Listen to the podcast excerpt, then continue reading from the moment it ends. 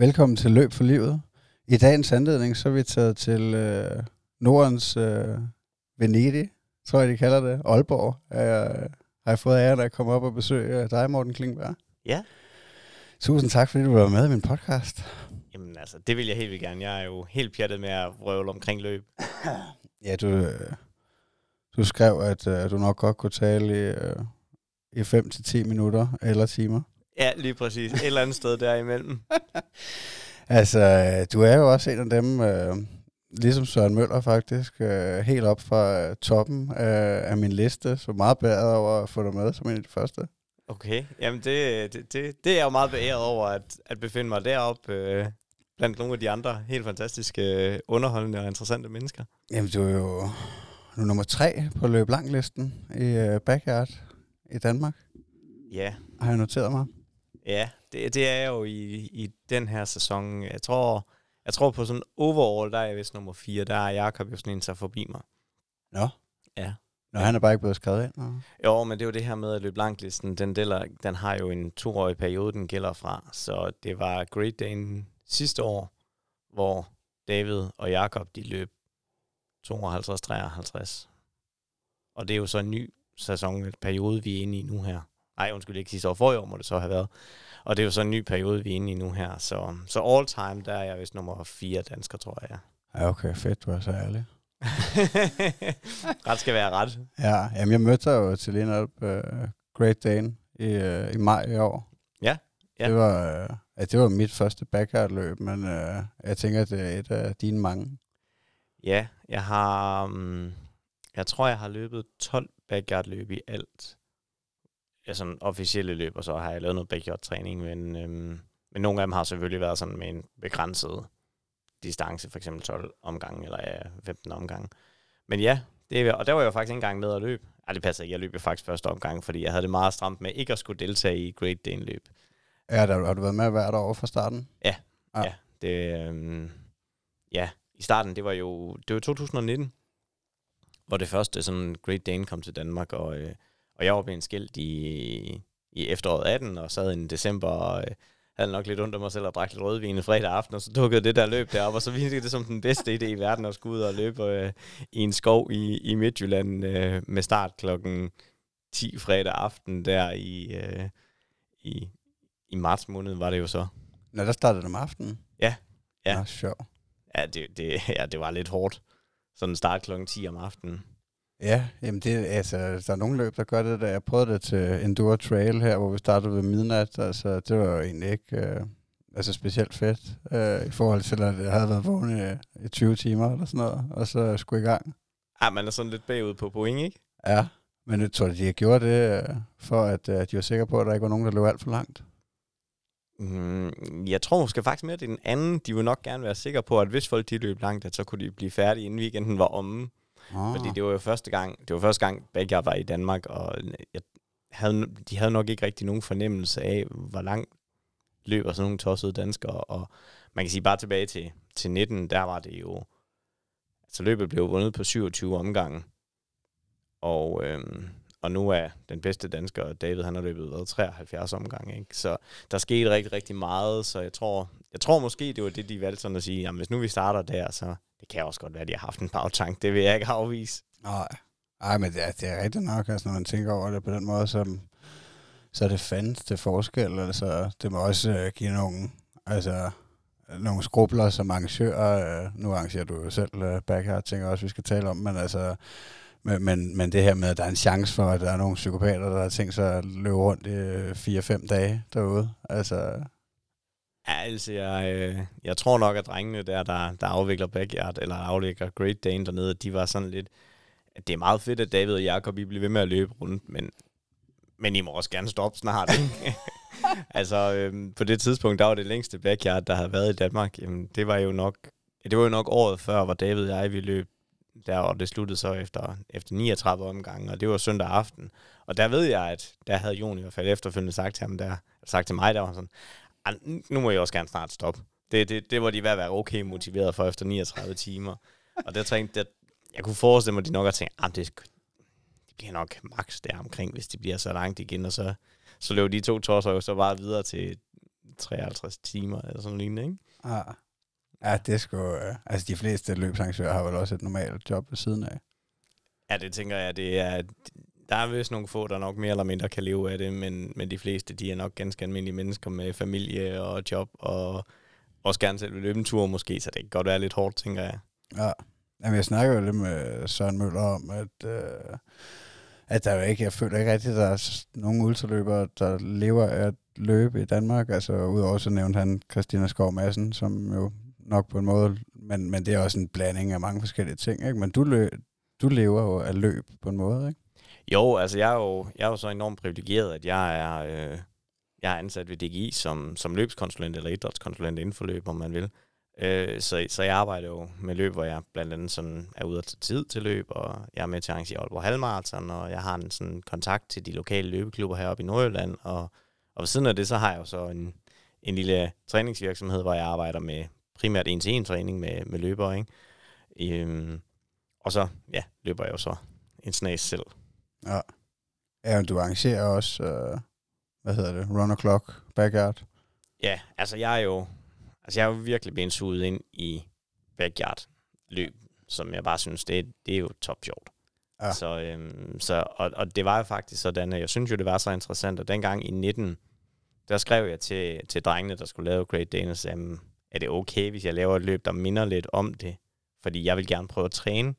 Og tanken var egentlig bare, at jeg ville lave en tur på 10 omgange, uden lokal skov, og så prøve cirka at matche distance og højdemeter. Og så, øh, så jo, jo, det var okay, og så, øh, så lavede jeg det 14 dage før Great Dane, fordi jeg skulle træne og prøve, hvordan det var at løbe på et backyard-format. Øh, og, øh, og så tænkte jeg, at jeg ville lige skrive, om der var nogen, der var med, fordi så ville det være lidt sjovere. Og så tog det ene det andet, og lige pludselig så stod jeg med et løb med 50 deltagere, og jeg selv skulle være arrangør og løbe med undervejs. Så det blev sådan ligesom, det blev meget håndholdt og sat op på den måde, og så var vi ligesom i gang. Så, så det var faktisk der, at Run Clock det egentlig startede. Og så har det jo så bare kørt videre derfra efter, og så er det sådan blevet lidt mere øh, organiseret, og man vælger lige for ikke selv med øh, i løbende, og nu også blevet et, et, man kan sige, et rigtigt backyard, hvor, det, øh, hvor man løber indtil der kun er en tilbage. Ja, altså du, du starter, altså det er bare en træningstur til at starte med, så hvor du øh, altså stak den ud på Facebook, og sagde, er I med? Ja, altså jeg tror måske, jeg havde en eller anden idé om, at jeg tænkte, om jeg kunne godt lige, øh, jeg kunne godt lige lave det som et lille løb, og så, øh, jeg snakkede på det tidspunkt stadigvæk rigtig godt med min, med min ekskone. Hun havde mulighed for at lave nogle, nogle medaljer, og så tænkte jeg, så laver vi lige en medalje. Jeg synes, det var lidt sjovt, og jeg sad jo for mig selv øh, alene i en, øh, i en lejlighed i Aalborg, og havde egentlig en relativt meget fritid, øh, så, så jeg sad sådan lidt og nullede med nogle små ting her, og fik lavet en fin lille medalje og sådan noget lignende, og, og så var der en masse, der synes, det var sjovt, og ja, det jeg sagde, det var, at mm, jeg ville jo bare gerne have, at der var nogen, der helst alle 10 timer, hvor jeg havde tænkt mig at træne, så øh, folk de kunne melde sig til, og så kunne de bare komme. Så vi startede klokken 8 eller klokken 9, når det nu var. Og, men altså, hvis folk de ville komme klokken 12 og løbe to, to omgange, jamen, så var de velkommen til at gøre det. Og det var der også de her omkring 40-50 mennesker, der gjorde. Nå, kæft for sjov, mand. Men så det, altså, du, du er jo faktisk en af the backyard fathers i Danmark, kan man godt sige. Du, altså, du ender med at arrangere det andet løb i Danmark. Ja, og det, det endte jo faktisk med at lægge det før The Great Dane, så, i, så, så det, det er lige for at være det første backyard i Danmark, uden at det er jo helt rigtigt. Det var kun 6,5 km i stedet for 6,7 km. Nå ja, altså, ja, ja, du bruger det som træningsløb til Great Dane sammen med, med de 50 mennesker, der så dukker op? Ja. Nå, ja. sindssygt. Så Great Dane i 19, er det det første i Danmark? Eller? Ja. Okay. Ja. Vandt du det? Nej, det gjorde jeg ikke. Det havde jeg heller ikke en forventning om. Øhm, Ja, vi startede jo der kl. 22, og øh, det var fantastisk, og jeg har ikke løbet så meget trail og sådan noget lignende. Jeg kunne godt se, der var nogle af, øh, nogle af dem, jeg i virkeligheden ikke rigtig kendte, fordi jeg var også relativt uprøvet i, i, inden for ultraløb på det tidspunkt. Men jeg kunne godt se, at der var nogen, der havde nogle ret, ret gode erfaringer fra at løbe langt. Så jeg tænkte, men det, jeg, jeg kommer ikke til at vinde, jeg skal bare være med så lang tid jeg kan, og så, så skal vi se, hvordan det går. Og, øh, og det gik egentlig altså overordnet så gik det jo faktisk rigtig godt. Jeg, jeg stoppede efter 21 omgange øhm, på et løb, der sluttede efter 27 omgange. Og jeg havde et mål, sådan et meget ambitiøst mål, synes jeg selv, om at løbe 24 timer. Det tror jeg, der er mange, der har sådan først, og så lærer man lidt undervejs, at det er ikke sådan bare nogle råkende pakker at gøre. Øhm, men, men i løbet af det der løb der, altså jeg, jeg havde jo ikke styr på min energistrategi og sådan noget, så jeg fik simpelthen så dårlig mave. Altså jeg endte med at ligge, der var sådan et lille øh, terrasse, han har sagt, foran toilet. Der, der, en god del af pausen, der lå jeg der med sådan et, et termotæppe over mig og lidt over øjnene, og så virkelig, virkelig ynkelig ud, og og jeg har en fornemmelse af, at der sådan var en lille intern pulje på, hvor, hvornår stopper han med at rejse sig igen. Altså nu, nu kommer han snart ikke op mere. Oh, sure. øhm, og det, ja, altså, da vi kom hen på, da vi kom hen, hvor det skulle begynde at blive mørkt igen, der kunne jeg godt mærke, at der var ved at være så drænet, at jeg ikke sådan synes, det var helt så sjovt og forsvarligt, og være ellers kunne undskylde over for mig selv om, at jeg skulle gå ud og løbe igen. Så, øh, så efter 21 omgang, så, øh, så stoppede jeg. Jeg tror, jeg var den 8. sidste, der udgik, eller sådan noget lignende. Så det var ikke, og der var jo de her omkring 100 tilmeldte, så det var jo, det var jo rigtig, rigtig fint og super god debut, og, og jeg havde også lidt en bagkant, fordi min, øhm, min teenage-søn, han skulle øh, konfirmeres det år, så han skulle lige døbes, øh, og han bor hos sin mor i Silkeborg. Så det passede med, at jeg kunne overnatte i et telt dernede, og så kunne jeg stå op der søndag formiddag, så kunne jeg tage i kirke, og så kunne han blive døbt, og så kunne jeg lige være sammen med, med, med hans mor og, og den nærmeste familie der og hygge, og så kunne jeg så tage hjem der og pleje min, min sønders og krop bagefter. Ja, okay, så har det også været lidt meget at, øh, at gå efter at, øh, at, at løbe ind til barndommen. Ja, det, det, det, det, har nok været, det havde nok været overambitiøst, tror jeg. Ja. Men det var jo meget interessant, ikke? fordi jeg var en af de få, der, var, der, blev, der blev overnattet. De fleste, de havde jo ligesom folk, der kom omkring og kørte hjem og sådan noget lignende. Og jeg var jo jeg var sådan relativt nylig fraskilt, og, og, og min ekskone havde egentlig været en stor del af sådan de løb, jeg ellers havde været, så, så jeg havde ikke sådan det samme community, og jeg jo ikke rigtig løbet ultraløb så meget tidligere. Så på den måde, så havde jeg ikke sådan så mange omkring mig. Min mor, hun var sød til at komme op og hjælpe. Altså, man er jo morstreng, ikke? Ja. Så, øhm, men, men hun skulle jo også hjem på et tidspunkt. Så jeg overnattede det der telt der for mig selv og stod op, og så var der jo, jeg tror, der var Maria Bonne, som var en af dem, der løb 24 timer. Hun var faktisk også en del af den, den film, der er der, øhm, It's Easy Until It's Not, som, som Bjørn fra Trailberg har lavet. Ja.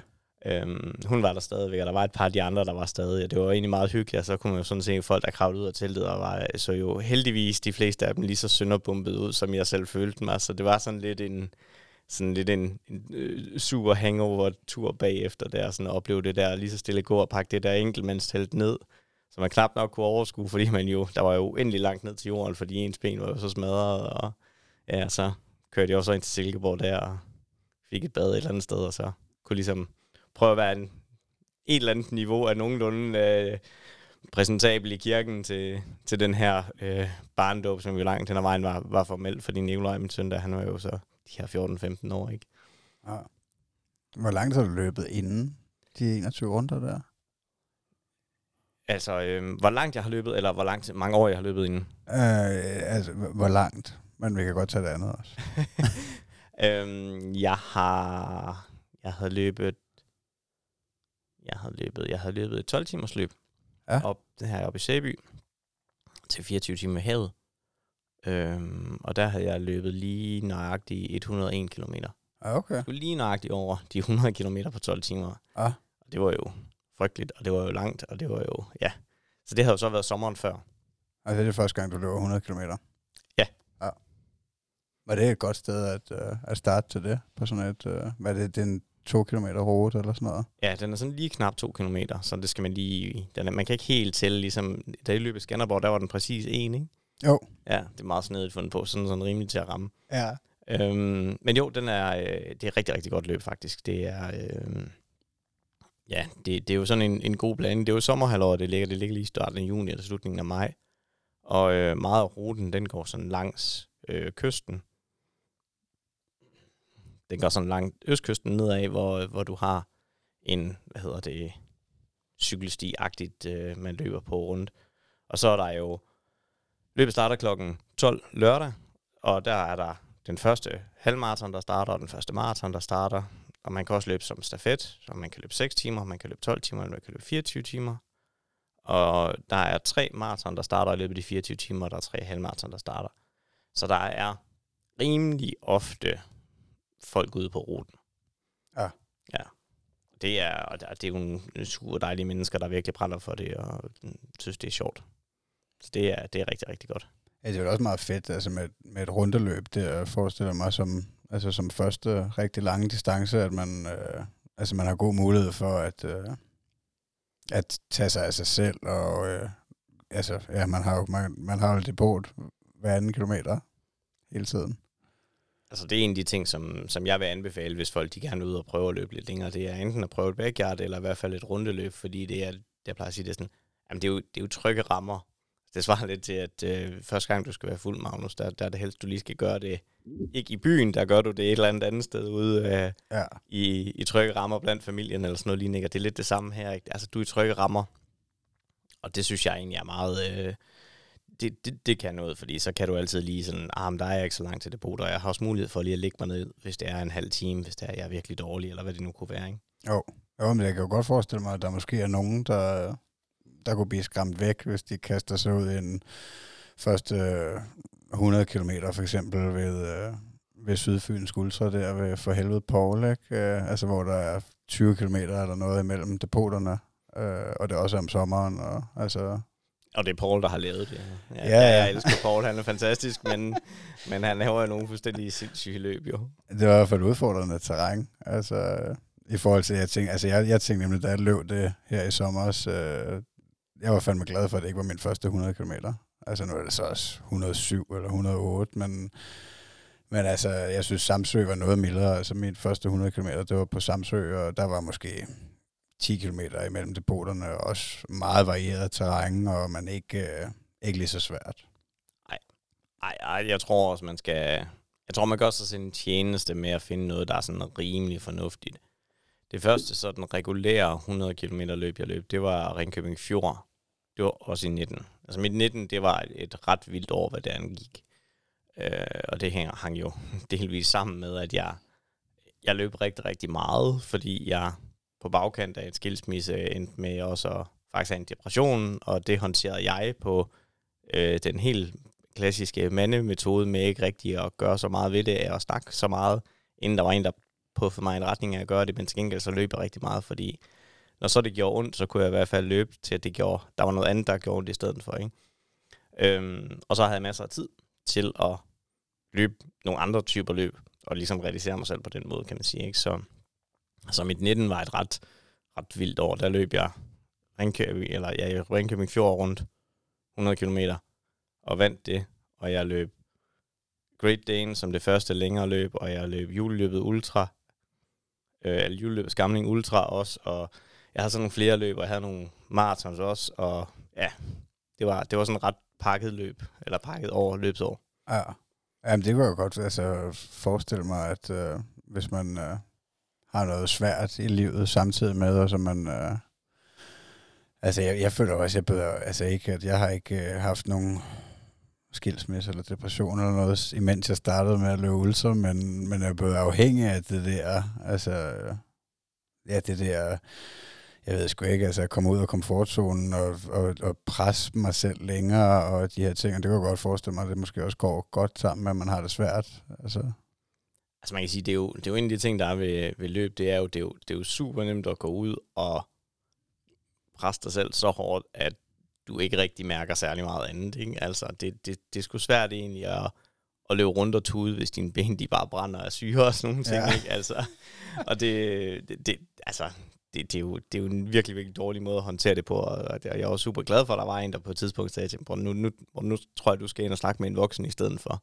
Ja, okay. Og så, øh, så, så fik det ligesom en naturlig leg. Men det havde jo den afledte effekt, at, at, at jeg var i en, en faktisk en rigtig, rigtig god form i 19 der til, til at gøre de her ting her. Ja. Men du har så løbet inden, altså det er ikke bare fra den ene dag til den anden, du beslutter at være ultraløber? Nej, nej, altså jeg løb jo, jeg startede med at løbe, da jeg var i 20'erne, i starten af 20'erne. Og det er sådan den klassiske med, at man kommer til at kigge sig selv lidt i spejlet og tænke, ah, det kan også godt være, der skal ske et eller andet andet, ikke? Og, og nogle, ja, sådan virkelig mange ting, der sådan rendte sammen. Men de første mange år, der løb jeg måske 3 km tre gange om ugen. Og det gik blev måske op til 5 km tre gange om ugen. Og så tror jeg, de første 3-5 år egentlig gik, inden jeg sådan... Ah, så begyndte jeg sådan, så løb jeg sådan en gang imellem 10-12 km, og så var det, det begyndte at være lidt spændende at kigge på de her halvmarathon her, og løb den første halvmarathon alene, og fik sædet mig selv fuldstændig, fuldstændig over, ikke? Altså, fordi jeg jo bare gik ud og løb, som om jeg skulle løbe 12 km, og så da jeg nåede 11-12 km, så var jeg jo gået fuldstændig, altså helt færdig. Og så stod jeg ude midt i ingenting, rundt med, med 10 km hjem, og så var der jo ikke andet at gøre, end jo bare, når jamen, suck it op, altså, og så se, hvordan man kommer hjem, ikke? Ja. Øhm, og så i slutningen af 15, der besluttede jeg mig for, at ah, nu, nu var maraton ved at være noget, eller halvmaraton noget, jeg kunne, sådan på rutinen. Så nu, nu var det egentlig spændende at prøve at løbe et maraton, og så til med mit første maraton i 16 i, i København. Og øh, det gik. Det gik ikke så godt. Eller, det gjorde det jo. Men altså, det gik jo på den måde, at jeg, øh, jeg havde sådan, jeg var gået meget sådan metodisk til det, og træningsmæssigt, og virkelig prøvet at optimere en masse ting, og så, så rammer vi jo, som, som det faktisk ofte sker med København Marathon, at det rammer en af de første rigtig dejlige varme dage, og, øh, og jeg fik slet ikke justeret min plan, så, øh, så omkring 38 km, 36 km eller sådan en, der kunne jeg godt mærke, at der var tingene ved at være rigtig, rigtig slemme. Og jeg havde jo, jeg har jo nok sådan en tilgang i mit liv, der hedder, at hvis man skal gøre noget, så skal man gøre noget ordentligt, ellers så skal man lade være. Så jeg havde også sådan, hvis jeg skal løbe et, et maraton, så skal jeg løbe det i en for mig god tid, og det var jo så, at jeg skulle løbe på 3.30. Og så gik jeg jo så ud efter det, og jeg løb lidt foran fartholden et godt stykke tid, og der omkring 6.38, så blev jeg indhentet af de her kære fartholder her, det var, ja, det var godt nok ikke sjovt, fordi der var andet at gå, og så op og løbe igen, løb op til dem, løb forbi dem, kunne ikke holde mig i løb, ned og gå, blev indhentet igen, op og løb igen, løb op til dem, og så løb sammen med dem hele vejen op til broen, man løber sådan op over Langebro, og så ned og rundt ned til Islands Brygge på, i hvert fald dengang på den gamle, på den gamle maratonrute. Og så, øh, så da vi kom ned på opstrækningen, så kunne jeg ikke mere. Altså, så, må, så måtte jeg stoppe og gå. Og det er sådan, altså, der var 100 meter i mål. Kan du ikke bare løbe hjem nu, ikke? øhm, men, men altså, og, og, og, jeg nåede faktisk kun lige at komme ned og gå måske et sekund, og så kunne jeg jo mærke, at, at hvis, jeg ikke, hvis jeg ikke kommer i løb, så, så kommer jeg ikke i mål. Altså, så når jeg skulle starte om inden, altså. Okay. Og så, øh, jamen, jeg nåede faktisk lige at komme i mål der, og, og så forsvandt benene jo under mig, og så kom der en official hen, om jeg havde det okay, og sådan, nej, det har jeg faktisk overhovedet ikke. Nå, jamen, så blev jeg simpelthen på en bord, og så blev jeg sendt ind til samaritterne, og så lå jeg jo der, og så fik jeg jo det bare, altså, afsindigt dårligt. Altså sådan virkelig, virkelig, virkelig dårligt. Jeg var jo meget, meget dehydreret. Altså, værre var det heller ikke, men altså, det der halv time. Der var sådan en halv time midt i den her periode, hvor jeg lå til. Altså, jeg havde det så dårligt, og alt gjorde indvendigt. Oven i min ben var fuldstændig smadret det her. Jeg løbet et maraton og sådan nogle ting, ikke? Og jeg fik, hvad det hedder, næsten, næsten en liter drop. Okay. Saltvandsdrop, inden, inden jeg sådan ligesom var på højkant igen og sådan lignende, så... Men alligevel, så, øh, så gik der jo ikke mere end sådan et par uger efter, så tænkte jeg, det var da spøjt. Nej, der er nogen, der er dumme nok til at løbe næsten fire gange så langt. Der er nogen, der løber 100 miles. Det skal jeg også prøve. så. Nej, det, så det altså lige efter du har løbet Copenhagen Marathon, at du finder ud af, at der er noget, der hedder ultraløb, eller Ja, det er det. Og så er der også nogen, der er heldigvis er fornuftige nok i min omgangskreds, der kigger på mig og siger, det, det må prøve at være lidt realistisk. Du, du er lige ved at starte om på et maraton. Så, ja. så skal du ikke gå ud og løbe et 100 miles løb. Er du dum eller hvad? Hvor, hvor tæt øh, nåede du at komme på de 33? Jeg kom 19 sekunder over. Så jeg løb på 3.30.19. Nå, sindssygt, mand. Det hedder man også vildt som første gang, var. Jamen, altså, det var jo, det var jo super fint. Og som sagt, jeg har jo gået meget metodisk til det. Jeg havde, jeg havde jo nok, jeg startede i december 15 og fulgte de her planer fra, fra Claus Heckmann. Han, han var lige udkommet med den her løb, øh, løb som eliten-bog.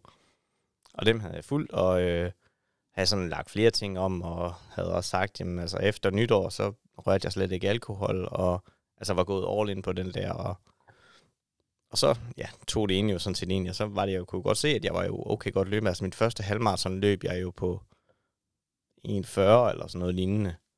Okay. Øh, til trods for, at jeg jo knækkede halvvejs, og et halvvejs gå løb den hjem, ikke? Så, så jeg har på en eller anden måde haft et vist tempo i kroppen, sådan naturligt i et eller andet omfang. Ja, er du simpelthen bare gået all out uh, på den første halvdel, eller så været lidt knækket, men stadigvæk godt kunne flytte dig på resten? Ja, jeg, jeg, nu kan jeg, har jeg ikke længere dataene, men jeg tror, jeg, vil, jeg har sikkert løbet omkring 34 pace de første, de første 10-12 km, og så har jeg jo så bare ja. øh, så prøvet at humpe hjem på stumperne derfra. Jo. Ja. ja, det er meget sjovt det der, altså, fordi at da jeg begyndte at løbe, der, øh, der var det jo også naturligt, de der halvmarathon og, og marathon-distance, der var spændende i starten, og der synes jeg også, at, øh, at jeg godt kunne komme op og løbe de der 34 i, i en periode, ikke? på måske 10 km eller noget, når der var på sit højeste, men, øh, men efter jeg begyndte at løbe meget længere og løbe mere, så øh, altså, det kan jeg sgu ikke, øh, det har været svært ved nu. Altså jeg føler, at jeg er blevet meget langsommere. Øh, det er der ingen tvivl om. Altså, man, man, man bliver langsommere, når man går ud og løber de her lange distancer. Det kunne jeg jo også se. Altså, min, min vej ind sådan der, det, jeg vil jo så tro, tale fra heldigvis at løbe et 100 miles løb, og så tror jeg, det var i, at det har nok været i julen, at jeg så det her øh, juleløbet Skamling Ultra. Det er nede ved Kolding, og et gammelt løb egentlig, men de havde så lavet det her juleløbet Skamling, og de har så kigget på det her Barkley Marathons og fundet inspiration til det. Og det er jo den samme, som har lavet Backyard, og det er jo sådan noget med, at du kender ikke ruten, og du aner ikke, hvor langt du skal løbe, og der er en helt vanvittig proces bare med at komme ind øh, og få lov at og, og skal løbe det og sådan noget. Det er det, de kopierede. Og det, det, det kildede bare alle de rigtige steder hos mig. Ja. Så jeg skrev til min kammerat Peter, der og siger, hvad Peter, det, det, det skal vi. Altså, jeg, ja, altså, vi vidste ikke, det, det kunne være alt imellem 50 og 75 km, vi skulle løbe. Vi anede ikke, hvornår løbet startede, og der var ingen rute, vi kendte eller noget som Altså, vi anede ikke, vi kunne nærmest ikke forberede os på noget som helst. Så det der, det lyder bare for dumt til. Det, det skal vi fandme prøve, ikke? Og så, øh, så, så kom vi jo med der, og så havde vi jo en, en rigtig god oplevelse, og, og det var jo der, hvor man, eller hvor jeg opdagede, at det her med at løbe ultraløb kan jo lyde meget elitært, fordi hold det op, det må være nogle meget veltrænede mennesker, som er meget sådan ambitiøse, der går ud og løber 100 km, eller 50 km, eller 70 km, hvad det nu kunne være, ikke? Og, og det fandt jeg ud af, det var det jo bare slet ikke. Altså, det var jo sådan nogle helt almindelige, meget lune, varme mennesker, som var meget villige til at øse ud af deres erfaringer og fortælle om de gode ting. Ikke? Så, så det var sådan ligesom der, det startede for mig.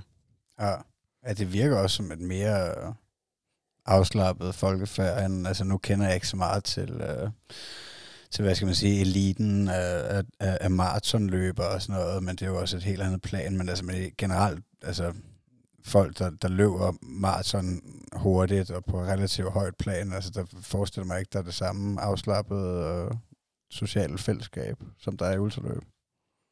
Altså, jeg er ingen tvivl om, at der er mange, der har det rigtig godt med hinanden i elite eller subelite maratonmiljøet også. Men jeg synes også, at der virker sådan, det at der godt kan være lidt mere øh, rundsæv på albuerne, ikke? Ja. Øh, og det kan også godt være, der er det inden for elite ultraløb. Altså det, men, men jeg synes ikke rigtigt, jeg har oplevet det, og så kan man jo altid sige, at det er fordi, du ikke rigtig løber elite løb, Morten, og det kan også sagtens være, det, der er en grad af sandhed, det er ikke så.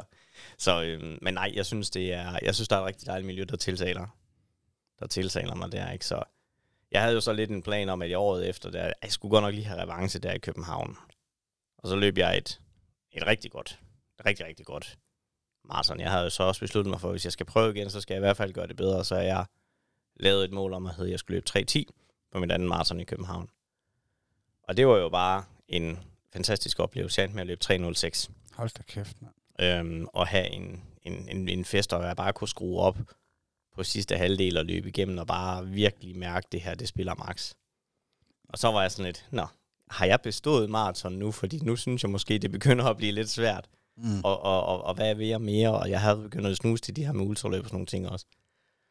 Og så besluttede jeg for, ah, nu var jeg alligevel så tæt på, at jeg, kunne, jeg skulle se, om jeg kunne prøve at løbe en sub 3. Så det blev så planen der til, øh, til 18. Jeg skulle prøve at løbe en sub 3. Ja, okay. Og øhm, så blev jeg skadet på grund af noget juleløb, Skamling Ultra. ja, hvor langt øh, ender I med at løbe der? Jeg tror, ja, hvad løb vi? Løb vi måske små 60 km. Okay, og der blev du skadet?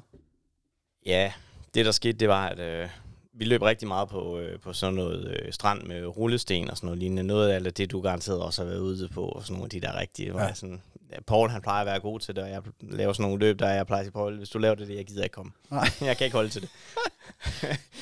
øhm, så, så hvad det hedder, øh, vi havde, jeg tror, vi havde 30 km i modvind på rullesten i mere eller mindre, i nogle sko, jeg havde lånt af Peter, fordi det var nogle lidt bedre trailsko og sådan noget lignende, så, så jeg endte med at løbe mig selv faktisk smadret, smadret mig selv rimelig godt, og det var sådan lige op til jul, jo, ikke? og så havde jeg, på det tidspunkt, der løb jeg med Team Tvilling, og der var en af de her øh, handyatleter, som gerne ville løbe et, et øh, halvmarathon juleaftensdag her i Aalborg.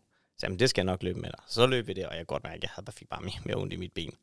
Jeg tænkte, nej, men det, det duer jo ikke. Altså. Nu skal vi jo ligesom igennem det her, det her øh, den her julegave til Lea her, ikke? Så det, øh, så det gjorde vi jo så, og det resulterede jo, jeg kunne jo ikke danse som juletræet om aftenen. Altså, jeg var, jeg var gået helt i stykker, og havde løberknæ, og kom ind til en fysioterapeut, der som jeg havde samarbejdet med i forvejen, ikke? Og sådan, kan jeg sige, ja, det, altså det der, det er, det er ret højt op på skalaen af, hvor slemt jeg har set det. Og så havde det jo ingen løb overhovedet i en periode, og så start med at løbe to gange fem minutter. Det var sådan lidt et, et slag tilbage, så kunne jeg jo godt se, det der med at skulle løbe en sub 3 i maj der i 18, det kom ikke til at flyve. Og så besluttede jeg mig så for at skulle løbe det i Amsterdam i stedet for. Okay. Der, senere på efteråret. Det passede lidt bedre. Ja. Ja. Lykkedes du så med det? Ja, det gjorde det. Øhm, jeg endte med at løbe 2, 58, 24 eller sådan Uh. Ja. Der sætter det- det... også smæk på, man. Og det var, ja, og det var, altså det var ikke et godt løb. Øh, og det hang jo så nok også delvis sammen med, at på det tidspunkt, der var det, der var min skilsmisse, den lå sådan lige, vi havde aftalt, eller vi havde planlagt faktisk, at jeg skulle, lige skulle til Amsterdam, så skulle jeg løbe det her, så havde vi en uges ferie sammen med, og så 14 dage inden, så kom min ekskone så og sagde, at der var lige sådan nogle ting, vi skulle snakke om, vi prøvede at gå i parterapi, og det gik ikke rigtigt, og blev enige om, når jamen, rejsen var betalt og sådan noget lignende, så i stedet for, at øh, vi sad hver for sig i et hus og i en lejlighed i Aalborg, så kunne jeg da lige så godt tage derned. Så jeg tog så selv til Amsterdam og løb det der løb her, og havde så de der dage, ikke? så havde nok en forventning om, eller en en ret god idé om, det, at jeg ville komme hjem til, at hun ligesom nok havde besluttet sig for, at hun ville skilles. Så det var sådan lidt en, ja. Og derefter så besluttede jeg mig for, nej, nu gider jeg ikke de der hurtige halvmarathons længere, og marathons, det, det er simpelthen for hårdt, den træning. Fordi der var jeg jo så begyndt at prøve at opleve det her med ultraløb, det faktisk var meget fedt, ikke? Ja. Ja. Jamen, altså, det- ja, det slår mig også som, at, at det er meget mere krævende. Nu kender jeg jo ikke, det er begrænset, hvor meget jeg kender til professionel træning, fordi jeg kun selv har prøvet at freestyle-træne, og jeg skal så i gang med et, øh, et, et træningsforløb øh, her snart, men hvad hedder det? Men, men det slår mig bare som om, at det er meget, man er meget mere udsat, som, altså hvis, hvis, hvis det er det der ja, sub 3 maraton, man sigter efter, så, så skal man ud og løbe rigtig meget interval og løbe hurtigt, og er det ikke rigtigt forstået? Altså min oplevelse var, at der var hårde dage, og så var der rigtig hårde dage. Det var Ja. det, min træningsplan bestod af. Ikke? Og, og- og jeg har jo heller jeg har aldrig sådan rigtig været den, der synes, at det der med at gå ud og løbe mig selv helt i jorden i, med blodsmag i munden, er det fedeste i verden. Nej. Så, øhm, så, så det har nok aldrig i virkeligheden rigtig talt til mig. Jeg har nok bare været privilegeret nok til, at jeg har haft et eller andet, der har talt min vej i, at jeg har kunne løbe lidt hurtigere, måske en gennemsnitsmotionisten har kunnet, uden så meget træning, der har gjort, at jeg kunne løbe de tider, jeg gerne ville inden for en rimelig ramme. Men, men ja, det var også det, jeg sagde sådan, nej, det, det synes jeg ikke er sjovt. Det gider jeg ikke mere. Nej. Altså, det må også være mange, der får nogle grimme skader i, øh, i, i det der hurtig maraton. Jamen, det er der jo ingen tvivl om, at man kan sige, hvis man sådan kigger sådan træningsmæssigt på det, så er det jo, altså højintens træning, det er jo der, hvor de majoriteten af skaderne bliver, eller at man går for hurtigt frem. Men mange, der gerne vil løbe de hurtige marathons, de er jo har en rimelig god grundtræning i år for inden, så derfor så er risikoen for, at de går for hurtigt frem, ikke på samme måde så, så stor. Så er det mere det der med, at træningsplanen siger, at jeg skal gå ud og løbe intervaller. Det er så tredje gang på den her uge her. Så det gør jeg uden egentlig måske lige at mærke efter. Ja. Ja, okay. Nå, så begynder du at interessere dig mere for de lange distancer. Ja, også fordi så finder jeg jo også ud af, at det var jo ikke sådan nødvendigvis helt uduligt til. Og så er det jo lige pludselig begynder at blive sjovt jo, ikke? Ja. Øhm, ja, så der er vi jo så henne i, ja, der er vi i slutningen af 18, og så i 19, der ikke, hvor så kommer Great Dane, og jeg løb Ringkøbing Fjord, 100 km. Og det var jo så fantastisk, at Ringkøbing Fjord 100 km, den lå weekenden efter, at der havde været DM 100. Så alle de hurtige drenge og piger, de var jo ikke med. Okay. Så, så var det jo lige pludselig så, jeg havde ingen idé om, jeg skulle, at jeg skulle vinde den egentlig som sådan, men jeg tænkte bare, nu skulle jeg ud og prøve at løbe. Jeg havde en idé om, jeg gerne ville løbe under 9,5 time. Okay.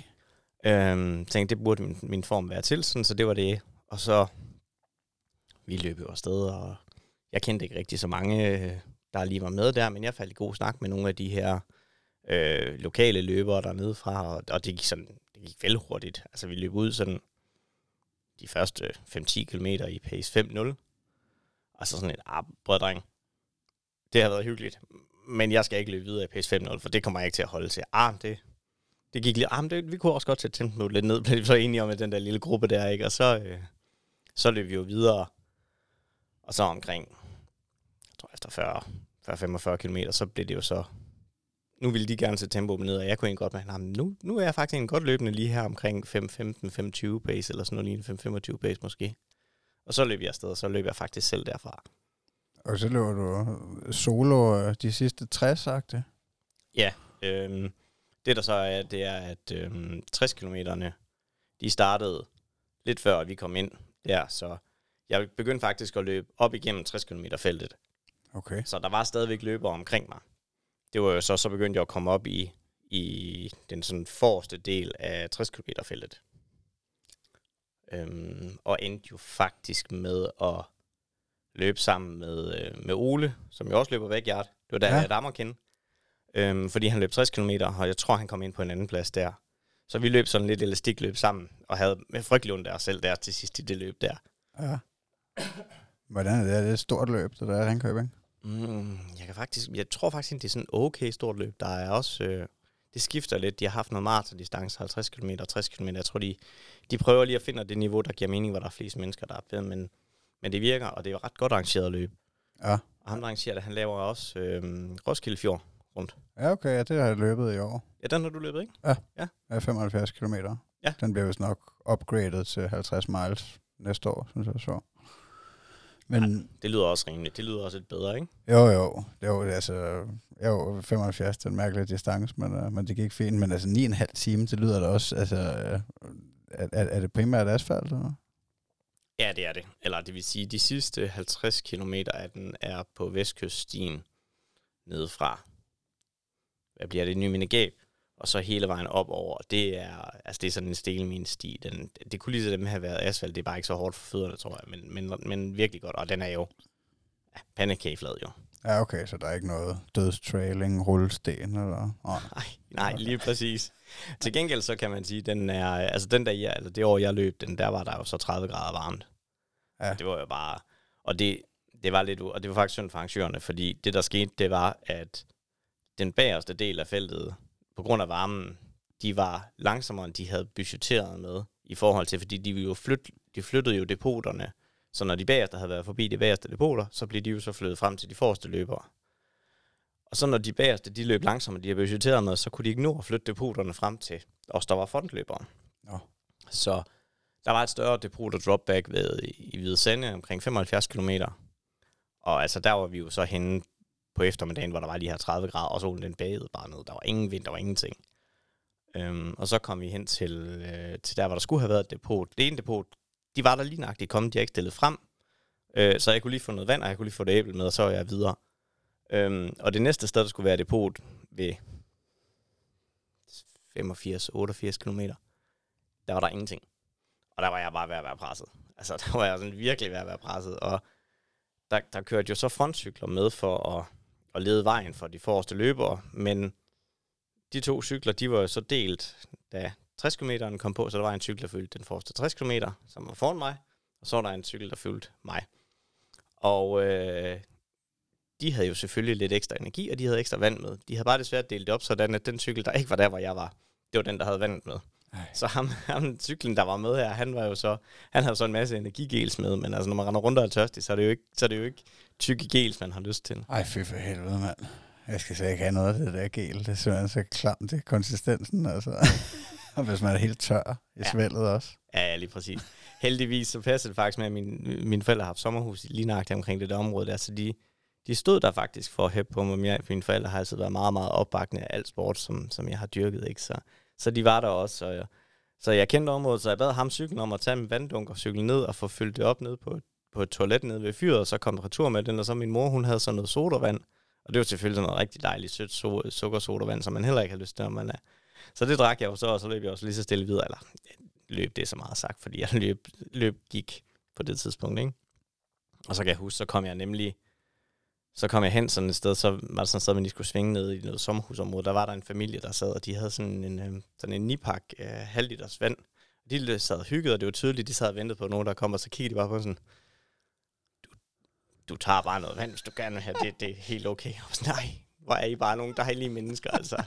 altså, det var bare sådan, altså, jeg havde bare lyst til at kysse dem, altså. Det var, for det var virkelig bare sådan, at vi tog den der halvliter, og der bare, den røg bare direkte i svælg, og jeg var bare sådan... Og så havde jeg jo, fordi jeg kender området godt, så havde jeg sådan tænkt, om jeg havde en idé om, hvor vi skulle hele vejen op, den vej op over, øh, for at komme retur ind til, til Ringkøbing, og det var fint. Og så begyndte jeg bare at kigge på de der skilte der, der stod der og tænkte, jeg har løbet 90 km, og de der skilte der, så er der bare 20 km hjem. Det kan jeg bare slet ikke overskue. Det kan jeg slet, slet ikke overskue lige nu.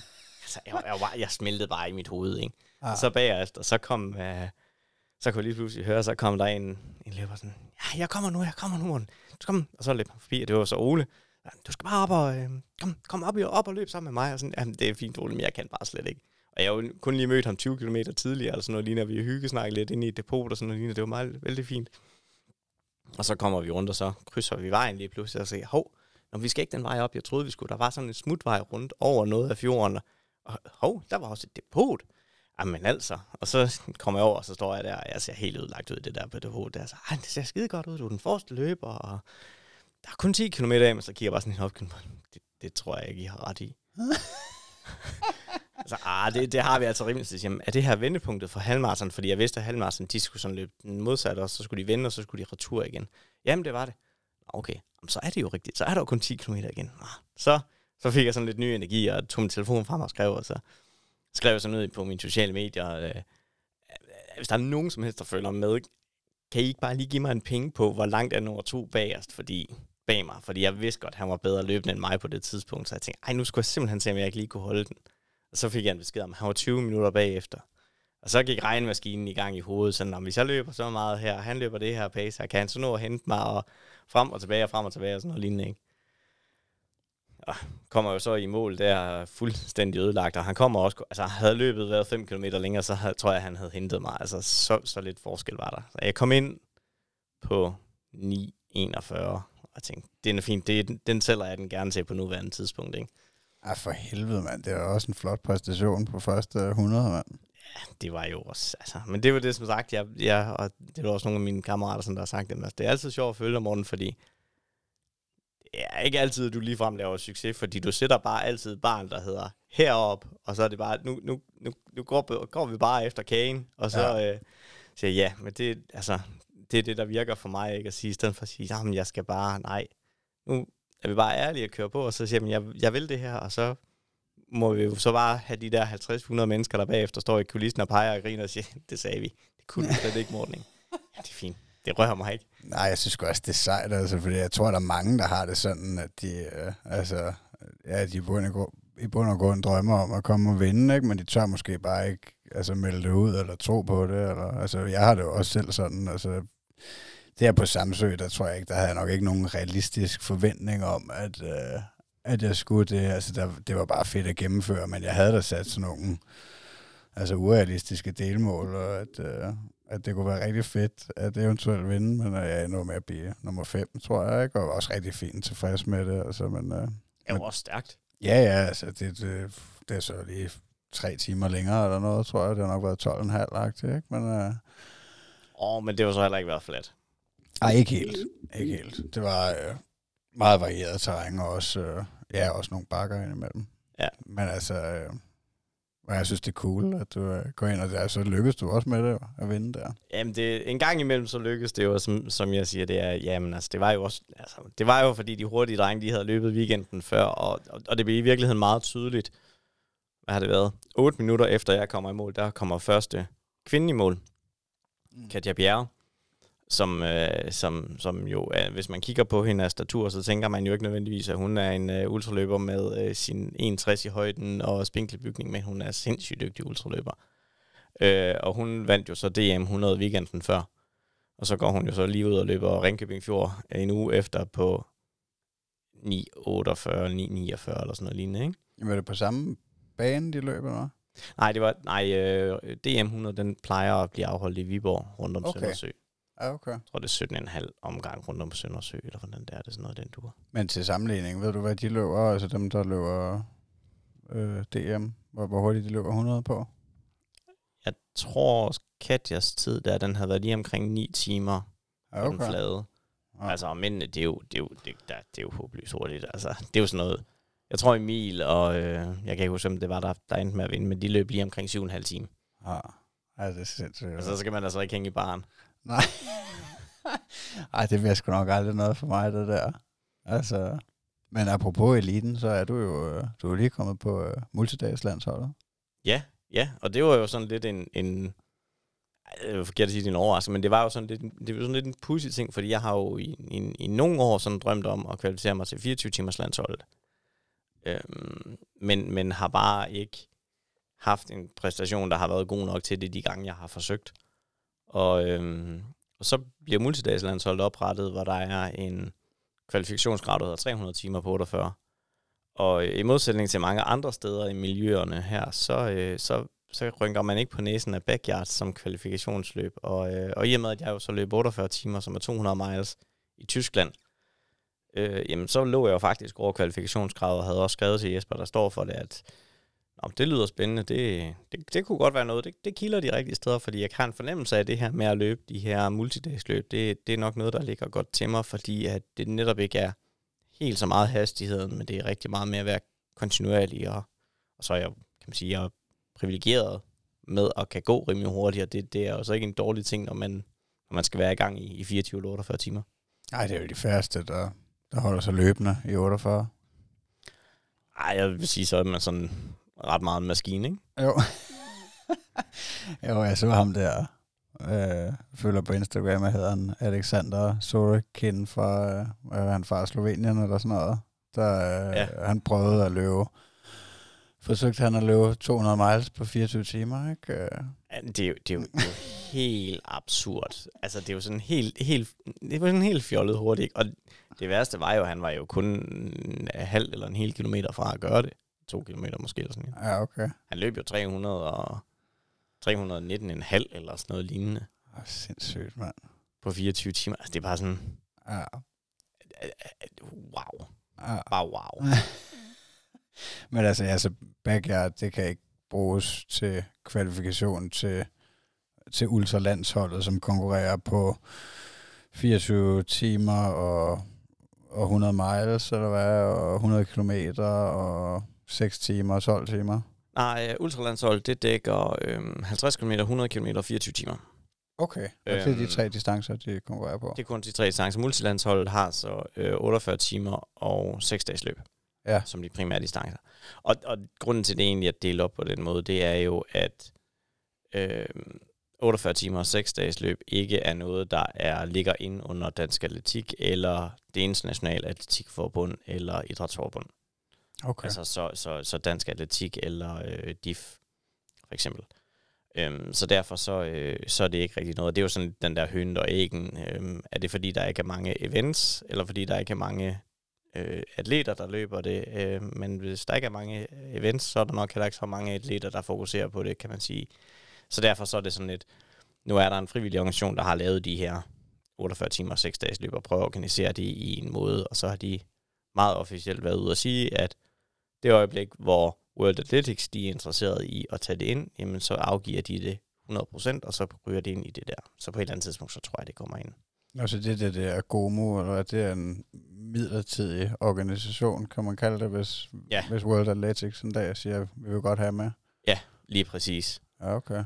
Øhm, så det er dem, der står for, for 48 timer også VM'et nu, kan man sige, næste år og sådan nogle ting. Så, øhm, men, men det der jo er med backyarden, det er jo, at i regi af 50 km og 100 km og 24 timer, der når man bare slet ikke til at løbe nok. Som mand, der skal man løbe 220 km på 24 timer. Og hvor i et backyard, der når du jo kun 100 miles og 160 km. Ja. Så så mangler du lige de der 50, 50 km der på, øh, på de her 24 timer. Så på den måde, så, så tæller backyard ikke med der, og så er der jo mange andre ting, andre løb, som man siger, hvis du gerne vil løbe en Spartatlon for eksempel, så skal man også kvalificere sig for at kan, kan være med. Og der er blandt andet noget med, at man kan løbe, jeg kan ikke huske, x antal kilometer inden for 32 timer eller 34 timer som mand. Og det, det når man faktisk, hvis man løber det i et backyard. Okay. Men backyard tæller ikke med.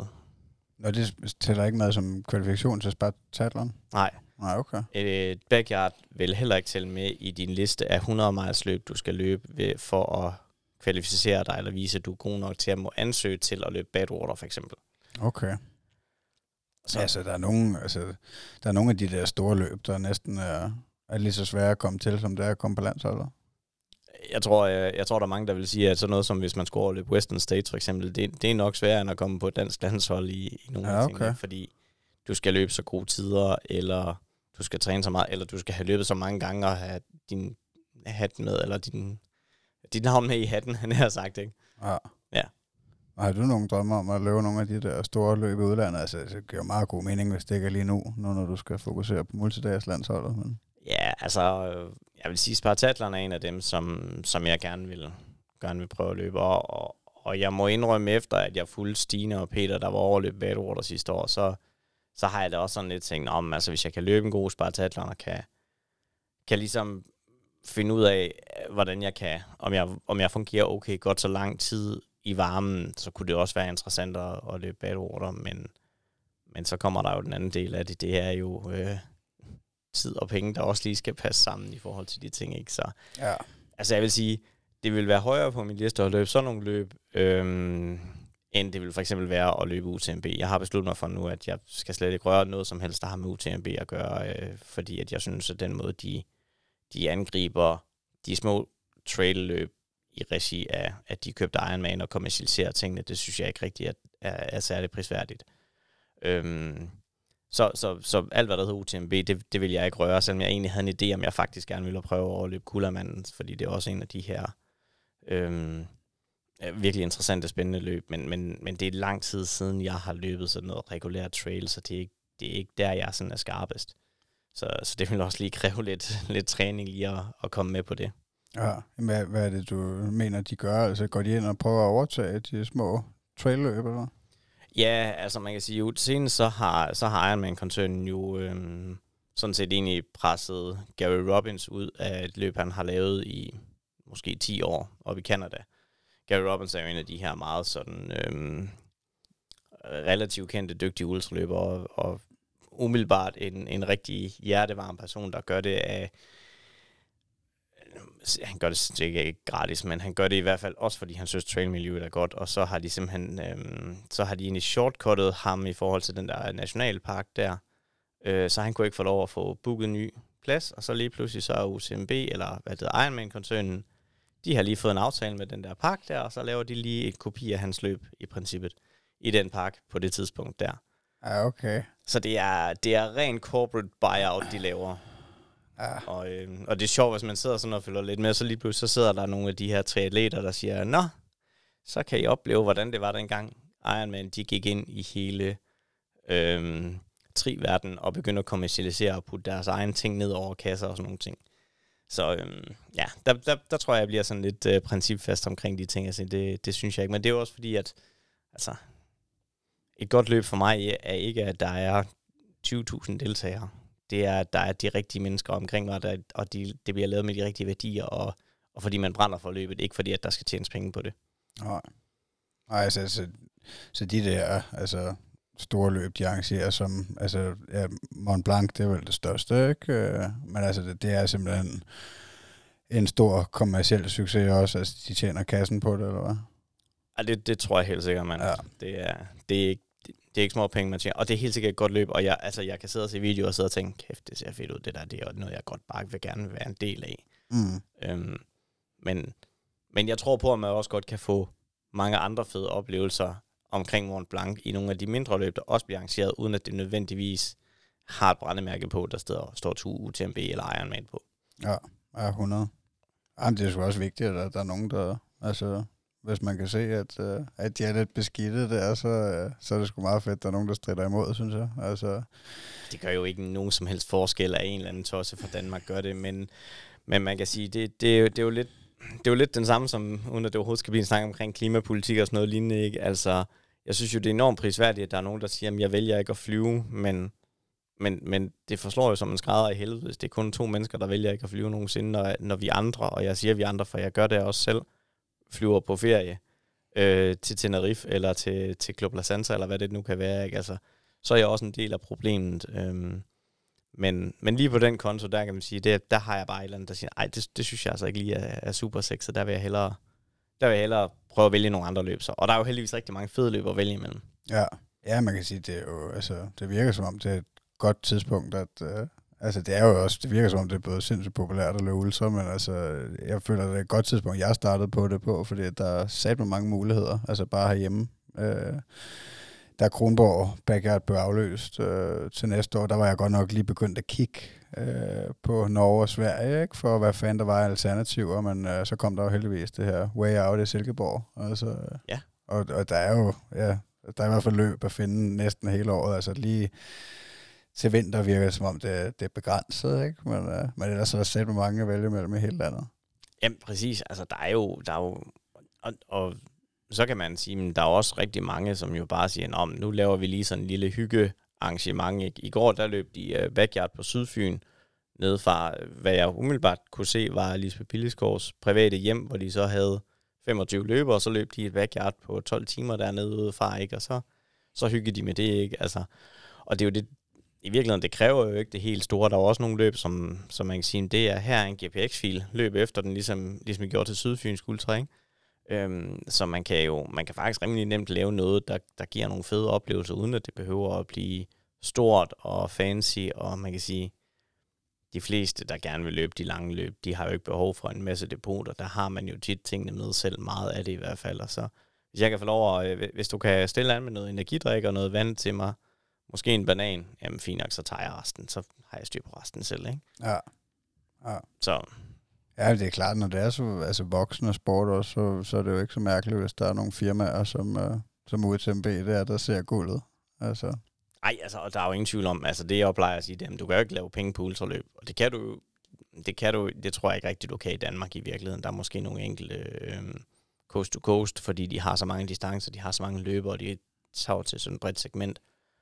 Men det er jo ikke rigtigt, fordi at man tjener sådan styrtende med penge på at lave et ultraløb. Øh, og det er ikke engang et, altså ikke engang et backyard-løb, som jo ellers er nemt at sætte op, kan man sige. Ikke? Mm. Fordi det er jo, i hvert fald ikke, hvis man lige pludselig skal begynde at kigge på, hvor mange tid man investerer ind i det, så kan det i hvert fald ikke betale sig. Så, så er det sgu bedre at gå på arbejde og tage nogle arbejdstimer, hvis man har den mulighed, eller, eller tage en avisrute eller andet, ikke? Ja, altså sådan noget som uh, Run Clock, du selv arrangerer, altså er der nogen speciel grund til, at du ligesom, altså nu solgte du det jo til næste år, det solgte du de 80 pladser på 24 øh, timer, det. Er det rigtigt forstået? Ja, jeg tror faktisk, det var, ja, jeg tror faktisk at det var 22 timer, men ja. Ja, jamen, altså hvis du, øh, altså er der nogen speciel grund til, at du ikke øh, altså, prøver at, at, lave en masse penge på det og lukke op for 200 deltagere? Altså man kan sige lige omkring lokationen, der, øh, der får jeg svært ved at presse 200 deltagere ind. Og, og ja. for mig er det vigtigt, at, at, at deltagerne føler, at de har den plads, de skal bruge for at kunne løbe langt. Og man kan sige, min rute er helt sikkert ikke den nemmeste i Danmark, men det er i hvert fald en rute, hvor jeg har gjort mig nogle tanker omkring, at, at det, må, det må gerne være så let som muligt, uden at det er et fladt løb. Mm. Øhm, men og på den måde kan man sige, der er sådan mange ting, som, hvor jeg sådan tænker lidt over, at sige, jeg vil hellere have 80 mennesker, der har en god oplevelse, end 120, der har en nyden oplevelse. Ja. Øh, og så synes jeg egentlig, jeg kan godt lide øh, Jon og øh, Bo og, øh, og Rasmus, der laver Great Dane de har sådan en, en, en god, god hvad det hedder, øh, tilgang, synes jeg, som jeg sådan lidt har prøvet at adoptere det. Sige, der skal ikke være flere deltagere, end vi kan give hånd til dem alle sammen. Og det synes jeg egentlig er sådan en meget god sådan huskeregel omkring, fordi altså, jeg vil bare gerne have, at der er de mennesker, som har en fed oplevelse med det omkring. Vil jeg gerne have, at jeg kunne give den fede oplevelse til den dobbelte antal mennesker? Ja, helt sikkert. Øhm, vil der være flere penge i det for mig også? Øh, uden tvivl. Er det det, der er vigtigt? ikke helt så meget. Nej. Altså, øh, det er fint. Det må gerne være noget, som, som giver lidt giver lidt supplement til, at jeg kan tage ud og løbe det næste løb, for eksempel, men, men derefter, så er det, så er det vigtigste, at du kommer og siger, at det var sgu meget fedt, og det var en god oplevelse, jeg vil gerne komme igen. Ja. Øhm, og så vil jeg faktisk hellere lave et løb, som jeg går med at lave en winter edition, her der kører i januar, øh, hvor der så også er nogle pladser. Øh, og lige nu eksperimenterer jeg så med at prøve at lave et, et andet løb her i Aalborg, som låner noget fra backyard-konceptet, men er lidt noget inden, hvor der er plads til at have flere mennesker, og så kan det være, der kommer 50, og så gør vi det med 50. Det kan være, der kommer 200, så gør vi det med 200, og så, så prøver jeg at få en fornemmelse af, hvad er det, det kan. Ja. Og den der vinter edition, den er også øh, udsolgt, eller? Ja, den bliver også udsolgt ret hurtigt, og det, det har den faktisk for vane at gøre. Der har jeg også kun 50 pladser, fordi der kan jeg ikke ligesom sætte folk ud i, i en pavillon, hvis der blæser, eller sneer, eller regner, eller sådan noget. Ikke? Så, så der skal man gerne kunne sidde derinde, og det er 50 mennesker inde i det der madpakkehus, det er sådan cirka grænsen, ikke? Ja, okay. Øhm, men, men netop tror jeg, fordi at der ikke er så mange ultraløb der i, i vinterhalvåret, så er det også sådan lidt mere, om den vil vi gerne med til, og den kan folk se sig ud af. Det er maks 12 timer i år, for eksempel, ikke? eller næste år. Mm. Så ja, det, det, så kan man lige tage derned, og så har man en dag med det, og så er weekenden ikke fuldstændig smadret bagefter.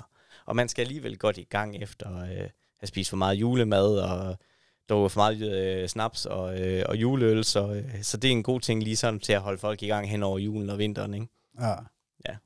Ja. Ja, det er sgu en, øh, altså det var en fed rute. Jeg var jo over og løbe den her, øh, hvornår var det? Det var lige omkring øh, 1. september. Ja. Slut august. Altså, jeg blev da næsten lidt øh, afskrækket, øh, men jeg kom jo også igen med, med, med høje ambitioner, og vil egentlig rigtig gerne det hele, og, og vinde, og løbe i flere dage og alt muligt, men øh, man ender jo med kun at løbe øh, 14, 14 godkendte runder, og så knæk på 15. Det er Ja. jo sgu en, en svær, altså kæft en dødspark, mand, der er ude på, er det sådan efter 4-5 kilometer og sådan noget. Ja, det passer nok med, det lige ja, efter 4,2-4,3 km, så kommer jo den, som jo basically er den eneste stigning, der er på hele ruten, men, men, men den er jo så også de der 800 højdemeter eller sådan noget lignende, hvor man, hvor man lige sådan skal træde til og komme, for at komme op, ikke? Ja, Øhm, men altså bagsiden, eller for, forsiden af medaljen, kan man sige, det er jo så også, at der er jo et næsten 2 km nedløb, som er, som er let, og, og hvor man kan, kan løbe for, på frihjul. Men der er ingen tvivl om, det er noget andet end at løbe et Great Dane, der ligger ude på, på heden, hvor den er helt flad, eller et Horsens, hvor den er helt flad. Der, der er nogle andre ting i det. ja, Øhm, den, den gamle Great Dane-rute, den var jo øh, med 160 højdemeter og varieret terræn og de her ting her. Ikke? Øhm, så så jeg, jeg har jo nok fået det med ind og sådan at sige, "Nå, men der, de der omkring 150 højdemeter, det, det er okay at have det på en backyard. ja. Og det er klart, det vil, vil det jo ikke være, hvis du skal gå ud og løbe langt. Og så igen kan man sige, David han løb 73 timer i Tyskland, hvor der er 100 højdemeter per omgang, og jeg løb 48, hvor der er 100 højdemeter per omgang. Så, så man, kan, man, man, man kan jo godt også uden nødvendigvis at være super god trailtrænet. Øhm, men det kræver nok, at man lige får justeret lidt på nogle ting, i forhold til, hvordan man, man løber, løber omgangene. ja. Hvordan er du, øh, er, er det længste, du har løbet de 48 timer der, ikke? Jo. Ja. Jo. Hvordan er du lykkedes med det? Har du gjort noget specielt for at træne dig op til det? Eller? Altså man kan sige, min backyard har jo, sådan en rejse har jo været sådan meget, øh, da jeg vandt Great Dane der i, i hvad bliver det, i 20? Ja, det tror jeg, det bliver 20. 21. 21. Ja. da jeg vandt Great Dane i 21, der, øh, der havde jeg jo kun øh, to måneder, og så skulle jeg jo så til, til Bix og løbe det. Øhm, og derefter så, øh, så, så havde jeg jo nok en idé om, at så, så var, nu, nu havde jeg sådan en idé om, hvad var min, min, min øh, grundtræning, og hvad var min grundstruktur. Så havde, handlede det jo i virkeligheden for mig rigtig meget derefter om at kunne blandt andet håndtere øh, søvn eller mangel på søvn. For altså, jeg er jo enormt misundelig på Søren. Han kan jo gå ind, og så kan han sætte sig i en stol, og så er det bare, Ja, det sagde han godt. Det var han ret god til. det, er, det, det er imponerende. Det kan jeg slet ikke. Og, altså heller ikke, selvom jeg bare kommer ind og har min puls helt nede, og har gået ind, og har det stille og roligt, og egentlig også føler mig træt. Jeg har virkelig svært ved at sove. Og det, øhm, til Teams-eventet der sidste år, der stressede det mig helt vildt meget, at jeg ikke kunne sove. Der havde jeg løbet 41 timer som det længste. Øhm, eller, der løb jeg 41 timer så, som, som det længste, inden jeg gik ud, ikke? Og det stressede mig helt vildt meget, så, så inden Tyskland, der havde jeg gjort rigtig meget med at prøve at sige, mm, okay, men jeg skal måske bare acceptere, jeg kommer ikke til at sove. Det er også ok, for det giver mig stadigvæk en masse, at jeg kommer ned og hviler. Så du ved den der med, altså lidt ligesom hvis man ved, man skal tidligt op. Nu er du kørt fra, øh, fra Sjælland i dag, så du har garanteret og tænkt, nej, nu skal jeg godt nok ikke øh, sove over mig. Ikke? Og så kan man godt, når man så går tidligt, tænke, så kan man ligge og vende og dreje sig og tænke, ej, jeg skal godt nok bare falde i søvn, jeg skal bare falde i søvn, bare falde i søvn. Og det man ikke gør, det er at falde i søvn. Ja, faktisk lige præcis, som jeg havde det i går aftes. Så, så på den måde kan man sige, og det tror jeg faktisk egentlig er meget det samme også, når man egentlig gerne vil, fordi man jo godt ved, at jeg har 8 minutter til at nå at falde i søvn og sove og vågne igen. Øhm, så det prøvede jeg at arbejde rigtig meget med. Men lykkedes du med at få nogle powernaps? så? Jeg tror på de 48 timer, der sov jeg samlet set 10 minutter til et kvarter. Ja. Så, så det, var ikke, det var ikke særlig meget, men altså jeg kom ind nogle gange, og kunne mærke, okay, nu skal jeg hen og lægge. Det kan godt være, at jeg kommer til at sove. Jeg skulle ind og lægge. Så det er noget af det, jeg prøvede, det er, øh, man, jeg har sådan noget musik, man kan sætte på, musik det er så meget sagt, man har sådan noget øh, baggrundsstøj, sådan noget, øh, det hedder binaural beats. Øhm, man kan der nogle tusind apps til sin telefon, der sender sådan noget ud, og det kan man sende ud, der er, hvor frekvenserne matcher ens hjernebølger, og det skal jo efter sigende gøre, at man har nemmere ved at falde til ro, hvis man passer med de her hjernebølger, som er, hvis man skal sove og sådan nogle ting. Og øhm, det kan lyde som en frygtelig masse gang hokus pokus, men jeg synes faktisk, det giver en god afslappende effekt. Så det prøvede, det, det sådan prøvede jeg at bruge op til, og det brugte jeg også undervejs der, med sådan noget lyd, Okay. der, øhm, der sådan ligesom, man kan sige, det er, ikke, det, er ikke, det er ikke white noise, det er bare sådan lidt noget, noget, noget lavfrekvent lyd, der matcher i, i hjernebølge. Ah. længden. Det, er, det, det lyder lidt som noget magisk vand, men det er... Øh, det er øh, det, det, jeg, jeg synes faktisk, det havde en god effekt. Ja, jamen, det er jo også bare om at finde de værktøjer, der, der virker bare en lille smule til at, uh, at komme ud på en runde længere. Ja, og altså, der kan man sige, der er Søren jo rigtig god, fordi han siger, at det, det er ikke til diskussion. Jeg skal ud igen. Og, det, og jeg er gået ind med til alle backyards med den tilgang.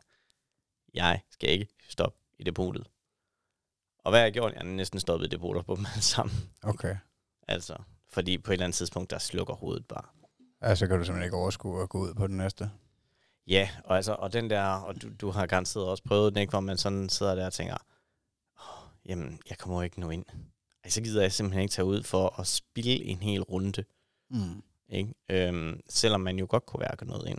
Ja, altså op hos, øh, hos dig til Run O'Clock her, det var jo mit andet backyard-løb, og øh, der tror jeg egentlig godt, jeg var klar over det, da jeg altså, tog ud på runde 14 der, og det nok ikke ville, jeg tror bare, det var ren stolthed, at jeg ikke, øh, altså, jeg skulle fandme ikke, øh, jeg skulle fandme ikke knække ind i det på så tidligt, øh, altså, men, øh,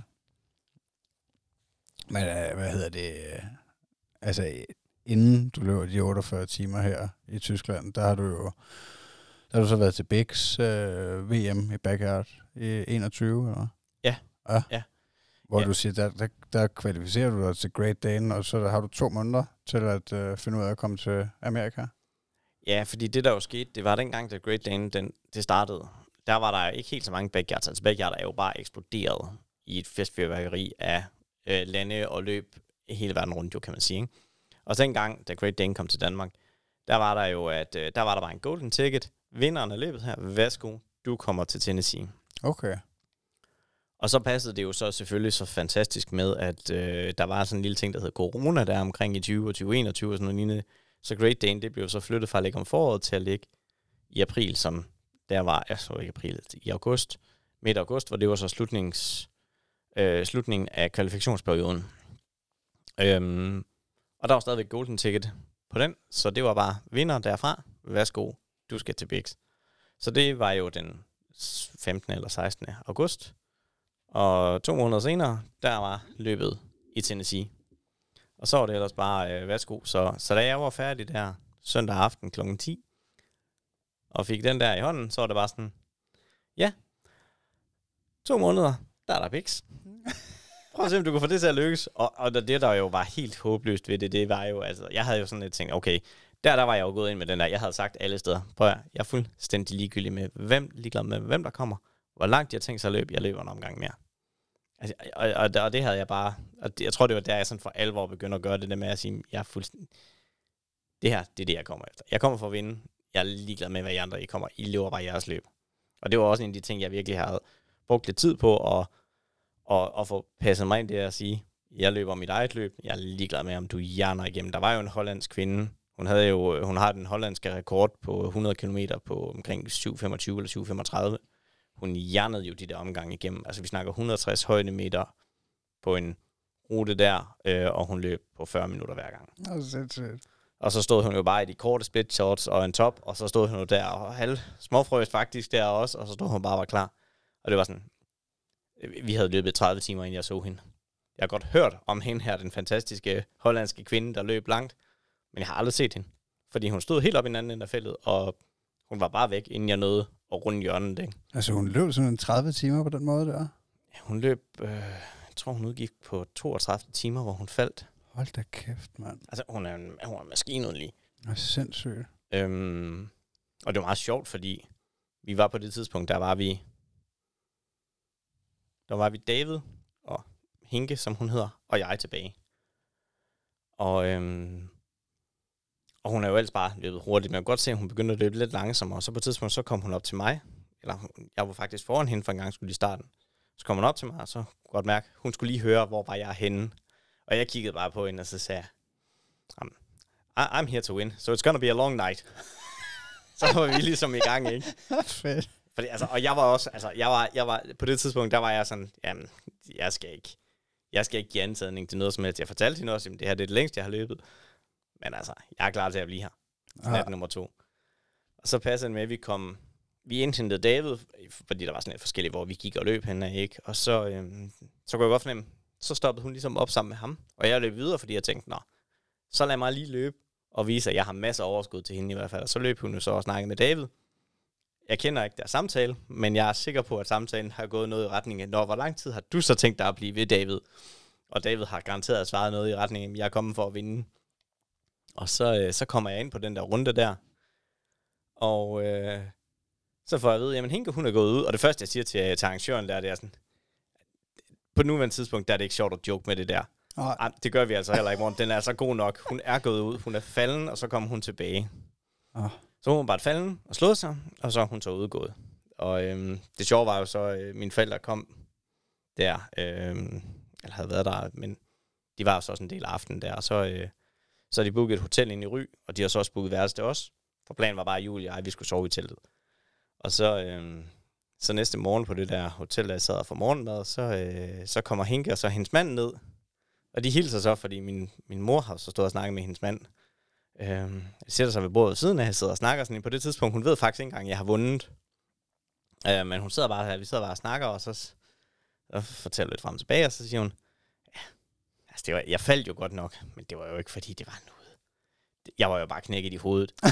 ikke? Altså, og det, og det var jo det var sådan helt tydeligt, hun var, sådan, hun var kommet, og historikken havde jo også været, de sidste foregående år, der var løbet blevet vundet på 27 timer.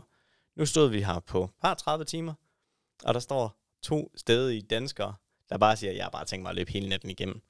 Så beklager, du kommer ikke til at få den her så nemt, som du måske havde troet. Ej. Og så falder hun, og som, ja, du har måske selv prøvet det, ikke? Altså, så kan tingene godt være meget, meget, meget synd for en selv, ikke? Og så er hun valgt hun at udgå der. Ja, ja hun Så. så en udvej.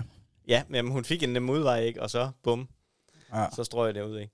Men så var det jo så 14 dage, eller ja, øh, to måneder senere, så skulle vi jo så til, øh, til Bix, og så øh, på det tidspunkt, der var jo corona, og, og USA var jo stadigvæk så øh, øh, primitiv, han har sagt, at, at de jo ikke ville have noget med nogen som helst at gøre fra, øh, fra Danmark eller hele Schengen-area, fordi vi jo havde ret kraftig udbrud på det tidspunkt, der i Italien og sådan nogle ting, øh, et halvanden år før. Så man måtte ikke flyve ind i USA. Så jeg var jo en lang proces igennem med at prøve at søge om undtagelse til at kunne få lov at komme ind, og det kunne bare ikke lykkes og sådan noget lignende. Og jeg kunne godt se med mit arbejde, jeg havde dengang, at øh, okay, det, det bliver jo, altså i forvejen, så er det jo lang tid, jeg skal være afsted, og jeg skal også rejse midler til det, og det endte så med, at øh, kort tid inden, så åbnede de så for, at man godt måtte flyve ind fra Canada. Fordi så var muligheden enten, så måtte vi jo ligesom tage til Mexico. Men jeg, sådan, at jeg gider faktisk egentlig ikke bruge 14 dage i Mexico i et eller andet indlukket, for at man er beskyttet øh, med folk med pistoler og sådan nogle ting. Og sådan, det, det, det er ikke min version af ferie, vel? Altså. Nej. Så, så det gad, gad jeg faktisk egentlig ikke, men omvendt igen, jeg vil jo rigtig gerne til Bix. Så vi endte så med at tage til, øhm, øh, tage til Canada i stedet for. Så vi havde 14 dage i Canada inden. Så fløj jeg op og lejede en, øh, en autocamper og kørte rundt i Canada og overnattede i nogle øh, nationalparker og var ude og løbe et, et lille halvmarathon og sådan nogle ting. Og inden vi så fløj til USA. Og øh, ja, super meget forsinket og mega stressende, fordi lige pludselig så øh, kunne vi slet ikke komme ind i USA alligevel, da vi stod der i Canada om torsdagen, hvor løbet var om fredagen, så vi blev forsinket 6 timer, og jamen, det var ren kaos. Så Fuck, Men- det, viste jo, det endte jo så også med at være den situation, hvor øh, vi var kun to europæere til Bix det år. Øhm, den ene anden, det er en, en øh, belgisk kvinde, der hedder Fanny Jean. Hun har så en søn, der bor i USA, så derfor så har hun nær familie, så har hun, må hun godt få undtagelse til at kunne få lov at flyve derind. Øhm, så hun tog så afsted der om torsdag morgen eller sådan noget lignende, var jo også kommet stressende derovre. Men ellers så er vi jo kun, så vi var kun 35 deltagere i modsætning til 75 i år for eksempel. Ikke? Ja, okay. Og det sindssygt arbejde, der har været at komme derover. Hvorfor skulle I være, jeg skulle I være 14 dage i, i, i Canada for ligesom at være i isolation, eller hvad man siger? Ja. Okay. Ja, fordi man måtte ikke, man måtte ikke flyve, når man kom fra, fra Danmark, så må man ikke flyve direkte ind i USA på det tidspunkt. Så skulle man have været uden for Danmark i 14 dage. Ja. Eller, og i virkeligheden skulle man have været uden for Europa i 14 dage. Og så var det sådan lidt, nå jamen, så, så blev Canada da et godt bud. Og det var en fantastisk dejlig tur, ikke? Og vi havde nogle øh, vildt fede oplevelser. Og, men så lige pludselig, så var det jo ikke kun halvanden uges tid, jeg skulle have fri. Så blev det over til tre og en halv uges Ja. fri, jeg skulle have fra mit arbejde. Julie, hun gik arbejdsløs på det tidspunkt, så det var lidt nemmere at få koordineret. Øhm, men, men så, så var jeg jo så privilegeret der, hvor jeg arbejdede, udover at de faktisk også sponserede noget af min tur, så, så lavede jeg en fin aftale med, at, at jeg kunne arbejde hjemmefra. Det vil så sige, det var så i, i Canada, jeg så kunne arbejde fra. Så på den måde skulle jeg ikke bruge helt så meget ferie, og det kunne godt lade sig gøre. Ja, okay. Altså, det, altså, en ting er, at det er svært, og det er meget tid, og man, det, ja, det koster jo også noget. Ja, det var, det var sådan rimelig, Ja. rimelig, øh, rimelig dyrt. Det, det gode ved det var jo så, at min, min bror bor, i, bor faktisk i USA. Så så kunne vi så kombinere det med, at vi kunne besøge dem, fordi de har jo så haft næsten to år, hvor de ikke kunne flyve hjem. Ah. De kunne godt flyve til Danmark, men så kunne de ikke komme tilbage i, i USA, tilbage til deres arbejde igen. Så derfor så var de jo ligesom øh, låst fast i at bo i, være i USA der i hele coronaperioden også. Ja. Så, øhm, så, så det endte jo med at blive en god kombination af mange ting, men, men det var jo sådan lidt, ja, det var lidt, lidt kaos at prøve at få tingene til at hænge sammen, og lige pludselig kigge på den der, og bare sige, jeg har bare ikke hørt noget fra det der øh, amerikanske konsulat på min ansøgning, og om det ene og det andet og det tredje, men der var bare ikke noget at gøre. Men drømmen ender med at gå i opfyldelse og komme til, til VM, til Bix. Ja, ja, ja, og det var jo, altså, det var jo på det tidspunkt, hvor der, nu er der jo en ret fast turneringsstruktur, så du skal vinde dit teams events for at få en golden ticket, og for at komme til teams eventet skal du vinde en silver ticket, eller være en del af det lokale øh, bedste løbere. Øhm, dengang, da vi ikke startede, der var det jo også bare sådan et, øh, han inviterede hans familie og venner og sådan nogle ting, ikke? Og så, Ja. så man kan sige, på det tidspunkt der, der var det jo stadigvæk den øh, gammeldags manér, ikke? Så der var det jo ikke nødvendigvis folk, der var, havde løbet backyard så meget, der var med. Men til gengæld så var der jo nogle, af- altså, jeg har jo- jeg har et billede stående derhjemme, hvor jeg løber side om side med Courtney Duorter for eksempel, ikke? Og, sindssygt, mand. øh, har løbet og hyggesnakket med hende undervejs, ikke? Fordi øh, da vi så bliver forsinket der i, i, i Toronto Airport, fordi at, at den der customs check, den går helt i hegn, og vi misser vores fly, og vi bliver ombooket forkert to gange, inden vi så kommer videre. Sådan, en, så sad jeg jo der i lufthavnen, og så, så lavede jeg sådan et længere skriv om, at nu er jeg efterhånden ved at være glad for, jeg synes efterhånden, det vil være en prøvelse at bare komme, og vi, ikke engang, vi har ikke engang hørt første fløjt eller første klokken, der er startet endnu, ikke? Øhm, inde i den her sådan øhm, Bigs Facebook-gruppe, ikke? Så der var rigtig mange, der havde hørt min, eller læst min historie inden, så på Okay. de første omgang, så bliver der jo snakket lidt sådan, Nå, hvem er du? Og, fordi de kan jo høre, at man jo, hvis man taler med andre, taler et andet sprog, det er jo primært amerikanere, der var der jo, ikke? Og så siger han, det er jo så, ja, Morten her fra Danmark. Nå, jamen, det har vi godt hørt om. Det er jo noget af en tur, du har haft, og så får man sludret lidt omkring det ene og det andet, ikke? Så, så det var en, altså, det var en, det var en, det var en vild stor oplevelse, og, og måske også fordi, at der jo så kun var 30-35 løber, altså ligesom et halvstort ultraløb herhjemme i Danmark, ikke? Altså, så bliver det sådan meget familiært på en eller anden måde, ikke? Og vi stod jo derovre som, ja, vi var jo mutters alene i verden, han har sagt, øh, bortset fra, at vi havde så været, haft en god kontakt til en, øhm, til en, til en amerikansk kvinde, der har faktisk været dansk gift og boet i Danmark, og som sælger ultraløber. Altså, det, det var sådan helt fantastisk, så hun var jo med at hjælpe os, men ellers så var det jo sådan lidt så... Så det Julie, hun jo stod selv og øh, manglede nogle ting, og så var der folk, der kom over sådan, ah, ah, du mangler også lige nogle sider til den pavillon. Nu finder vi lige her, jeg har også lige nogle zip ties herovre, så kan vi lige hjælpe for dem. Det kan du heller ikke nå alligevel, og sådan nogle, fordi hun er jo ikke så høj. Og sådan. Ah, Så der har været rigtig stor øh, opbakning og hjælp, og da jeg begyndte at snakke om, at jeg godt tænke mig at få en liggestol, sådan, ah, men det, det er der vist en, der har efterladt, har fejret tidligere løb og sådan noget. Det finder vi lige til der. Og sådan, altså, ah, hvor fedt, mand. mega fed. Altså, øh, virkelig den der, den der stemning, som vi jo kender fra ultraløb herhjemme, ikke? Altså, hvor folk de hjælper hinanden, den var der bare en til en. Ja. Ej, der lød det faktisk som om, at, at Sørens oplevelse var lidt mere business-like nu. Altså, Ja, ja, altså jeg kunne godt forestille mig, at det har været en, en anden oplevelse der nu. ja. Øhm, fordi der var heller ikke, altså, folk blev bare hængende, men, men det er jo klart, hvis der er halvdelen af løberne, så er der også mere plads at give af. Øhm, men, men det var jo stadigvæk, og det ved jeg også, en af de ting, som Søren han også påpegede, at, at det er jo lidt, det er lidt svært at hamle op med et belgisk hold, som kommer med et helt team, der har øh, kunne ved hvor mange mennesker, og så kommer man som ene dansker og må, og må kun have en hjælper med, ikke? Altså, det, det, det kommer til at blive lidt, lidt skævt, og det er jo selvfølgelig, fordi Belgien, de så har fem løbere med, og de må have en hjælper med per løber, jamen så kan de have fem hjælpere med, ikke? Ja, okay. Øhm, og det, det, og det er der, hvor tingene de bliver en lille smule skævvrede, når man kommer fra de små nationer, ikke? Ja, okay. Altså, man må kun have en med hver der. Der må kun være en hjælper inde på. Og det var jo faktisk sådan, at hende, hende her, Arabelle, som, som hjalp os der, som vi faktisk overnattede hos øh, inden løbet, øh, og som kørte os så op. Øh, hun ville jo også gerne være med og tilbudt hjælp og sådan noget lignende, men hun måtte faktisk ikke være der. Men så endte det jo så med, at, øh, at Sarah, Lasses kone der, hun synes, at, eller Sandra, hun synes, det var... Øh, ah, det var også lidt meget, hun skulle stå med køkkenet selv, og Arabelle, hun var god til at lave mad, så hvis, øh, så hvis nu hun, kunne, hun havde lyst til at hjælpe med at lave lidt mad og sådan en, så, må, så, kunne hun, så må hun gerne være der. Okay. Ah, men det ville hun jo gerne, og det var jo en lobbetjent uden lige, så så fik Arabelle jo lov at være der. Og jeg ved faktisk, hun har været der igen i år også til at, at være ansvarlig for køkkenet Okay. øh, til Bix. Ah. Så, øhm, så, så på den måde, så var det sådan lidt, så vi havde trods alt, altså Julie havde jo trods alt Arabelle, der var der, og, og, og selvfølgelig også Peter, der plejer at hjælpe mig, var jeg på hotline øh, derhjemme og min familie og sådan noget lignende, men, men, men der er bare lidt langt, når jeg begynder at blive pyldet, og så, hvad fanden skal man sidde her hjemme i Danmark og sige, ja, men du skal prøve at gøre sådan og sådan, Ja. ikke? Men, ja, det er sgu svært, ikke? Ja, men kom du øh, med ambitionen om at vinde derovre? Ej, jeg havde nok en idé om, at det ville nok ikke, øh, det ville nok i, det ville nok ikke være realistisk at vinde, men jeg havde, jeg havde sådan en drøm om, at jeg kunne løbe 48 timer. derovre. Okay. Øhm, og det, det kom jeg jo ikke tæt på. Jeg løb 31 godkendte omgang og stoppede på min omgang 32. Jeg fik simpelthen så meget bøvl med maven undervejs, at det... Og, og det tror jeg hang sammen med, at jeg havde jo inden da, der havde jeg fundet ud af, at øh, jeg drikker rigtig meget af min energi. Så derfor så skal jeg have noget i, væs- i maven til at binde det her væske her, og det fungerer råbrød rigtig godt for mig.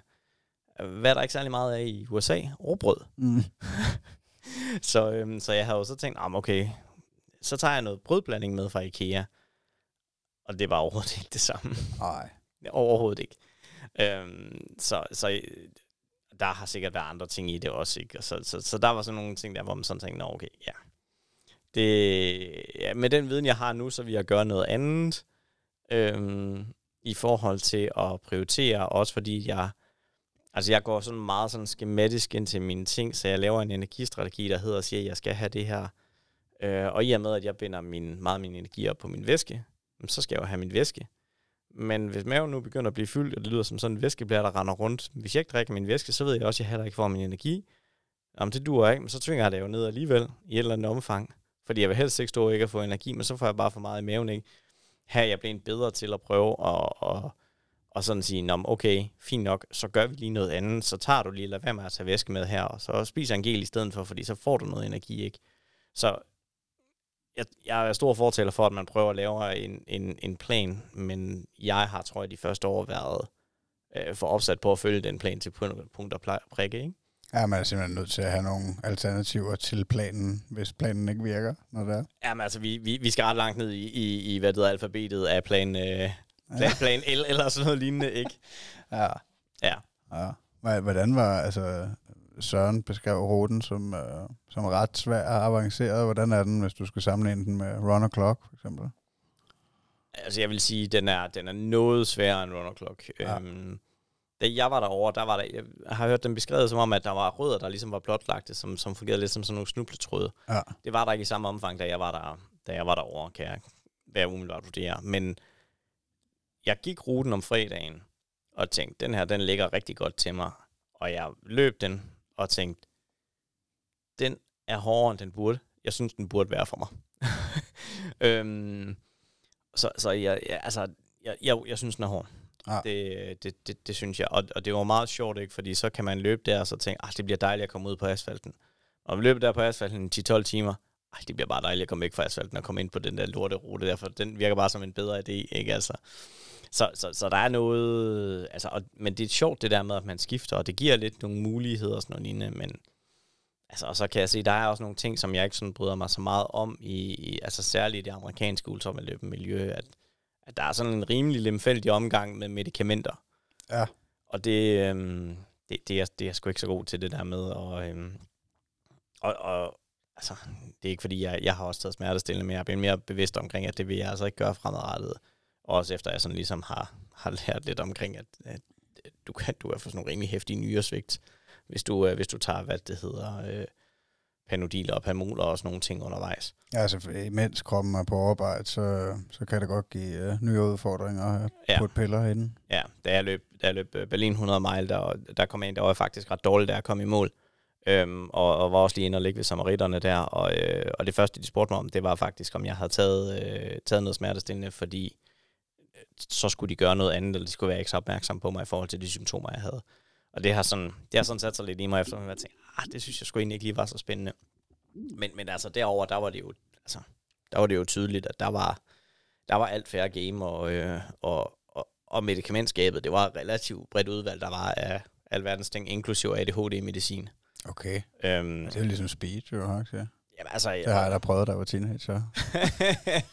altså, jeg må jo indrømme, jeg har, øh, altså, jeg var jo, jeg var jo så frustreret og ville så gerne så meget mere, at jeg var sådan rimelig åben for, så jeg endte jo faktisk med at, egentlig at, at, at tage noget piller, jeg ikke vidste, hvad var. Okay. Og det havde også en ret god effekt. En times tid. Ja. Eller to. Og så skal jeg lov for, at jeg crashede. Ja, okay. Øhm, og efterfølgende fandt jeg så ud af, at det var ADHD-medicin, jeg havde fået. Ja, okay. Og så var sådan, at jeg tænkte, ah, nu, nu synes jeg måske, vi er ude på et skråplan, så jeg ikke helt længere kan være med mere. Ikke? Øhm, så vigtigt er det altså heller ikke for mig. Og, øh, og, og løbe de omgange, altså jeg, jeg anser mig selv som en, en motionsløber, og en, en ambitiøs motionsløber, men, en, men trods alt en motionsløber. Øh, det, det synes jeg ikke hører hjemme, så derfor så er jeg er nok en person, der er lidt sådan firkantet og skarpe i, i nogle holdninger omkring ting, som for eksempel UTMB, ikke? og det, det har jeg så også omkring de her, de her medicamenter, som jeg synes, det er lidt også, fordi jeg synes faktisk, at det giver jo en ulige øh, platform at konkurrere på.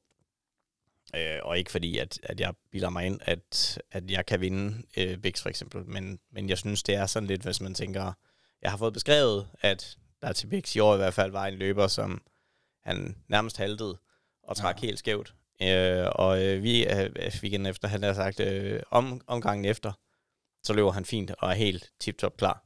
Ja, Så okay. jeg, hold da op. Den massør skal jeg lige have fat i. Men det der, det der med at tage smertestillende, er det, øh, altså det, altså det virker også umiddelbart som en dårlig idé, hvis, altså, hvis man ikke kan, øh, altså fordi det gør, at man ikke kan lytte til kroppen på samme måde, som man ellers vil, men, men hvis det var en del af et atletikforbund, eller sådan, fordi det er det ikke backyard, vel? Altså, men, men hvis det var det, ville det så være ulovligt at tage smertestillende?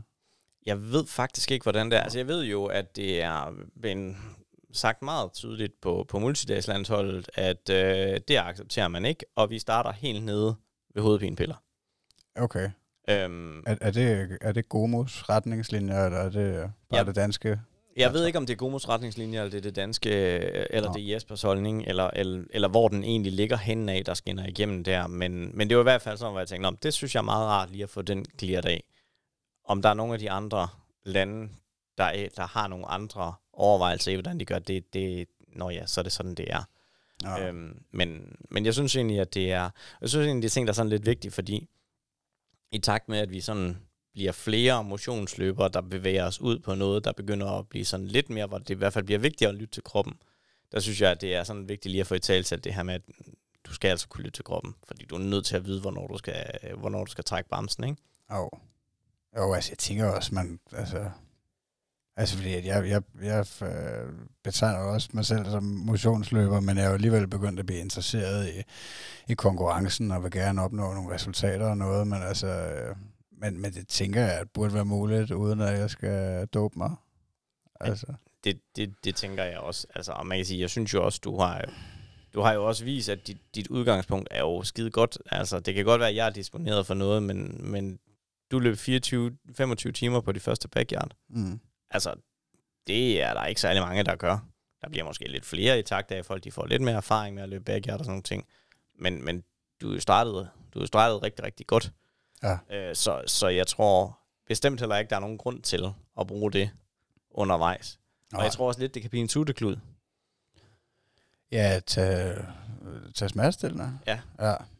Ja, 100, altså, men det kan da godt være, at det ikke er muligt at, uh, at løbe 108 timer til et backyard, som, uh, som de gjorde nu her, eller der i hvert fald var en, der gjorde, øh, uden at øh, skulle have bare et lille, lille halv gram morfin. Ja, altså, jeg, jeg, altså, jeg vil sige, jeg kunne godt ønske mig, at der bliver begynder at blive tjekket nogle ting Ja, på, øh, på det der. Øhm, fordi jeg synes, jeg synes, det begynder at være lidt, er også sådan, når jeg kan høre, altså nu arbejder jeg jo i en, i en sportsorganisation, hvor jeg også, sådan, når jeg fortæller om det, så er der også bare nogen, der siger, det der, det er der ikke nogen mennesker, der gør, uden at få nogle kemiske hjælpemidler til.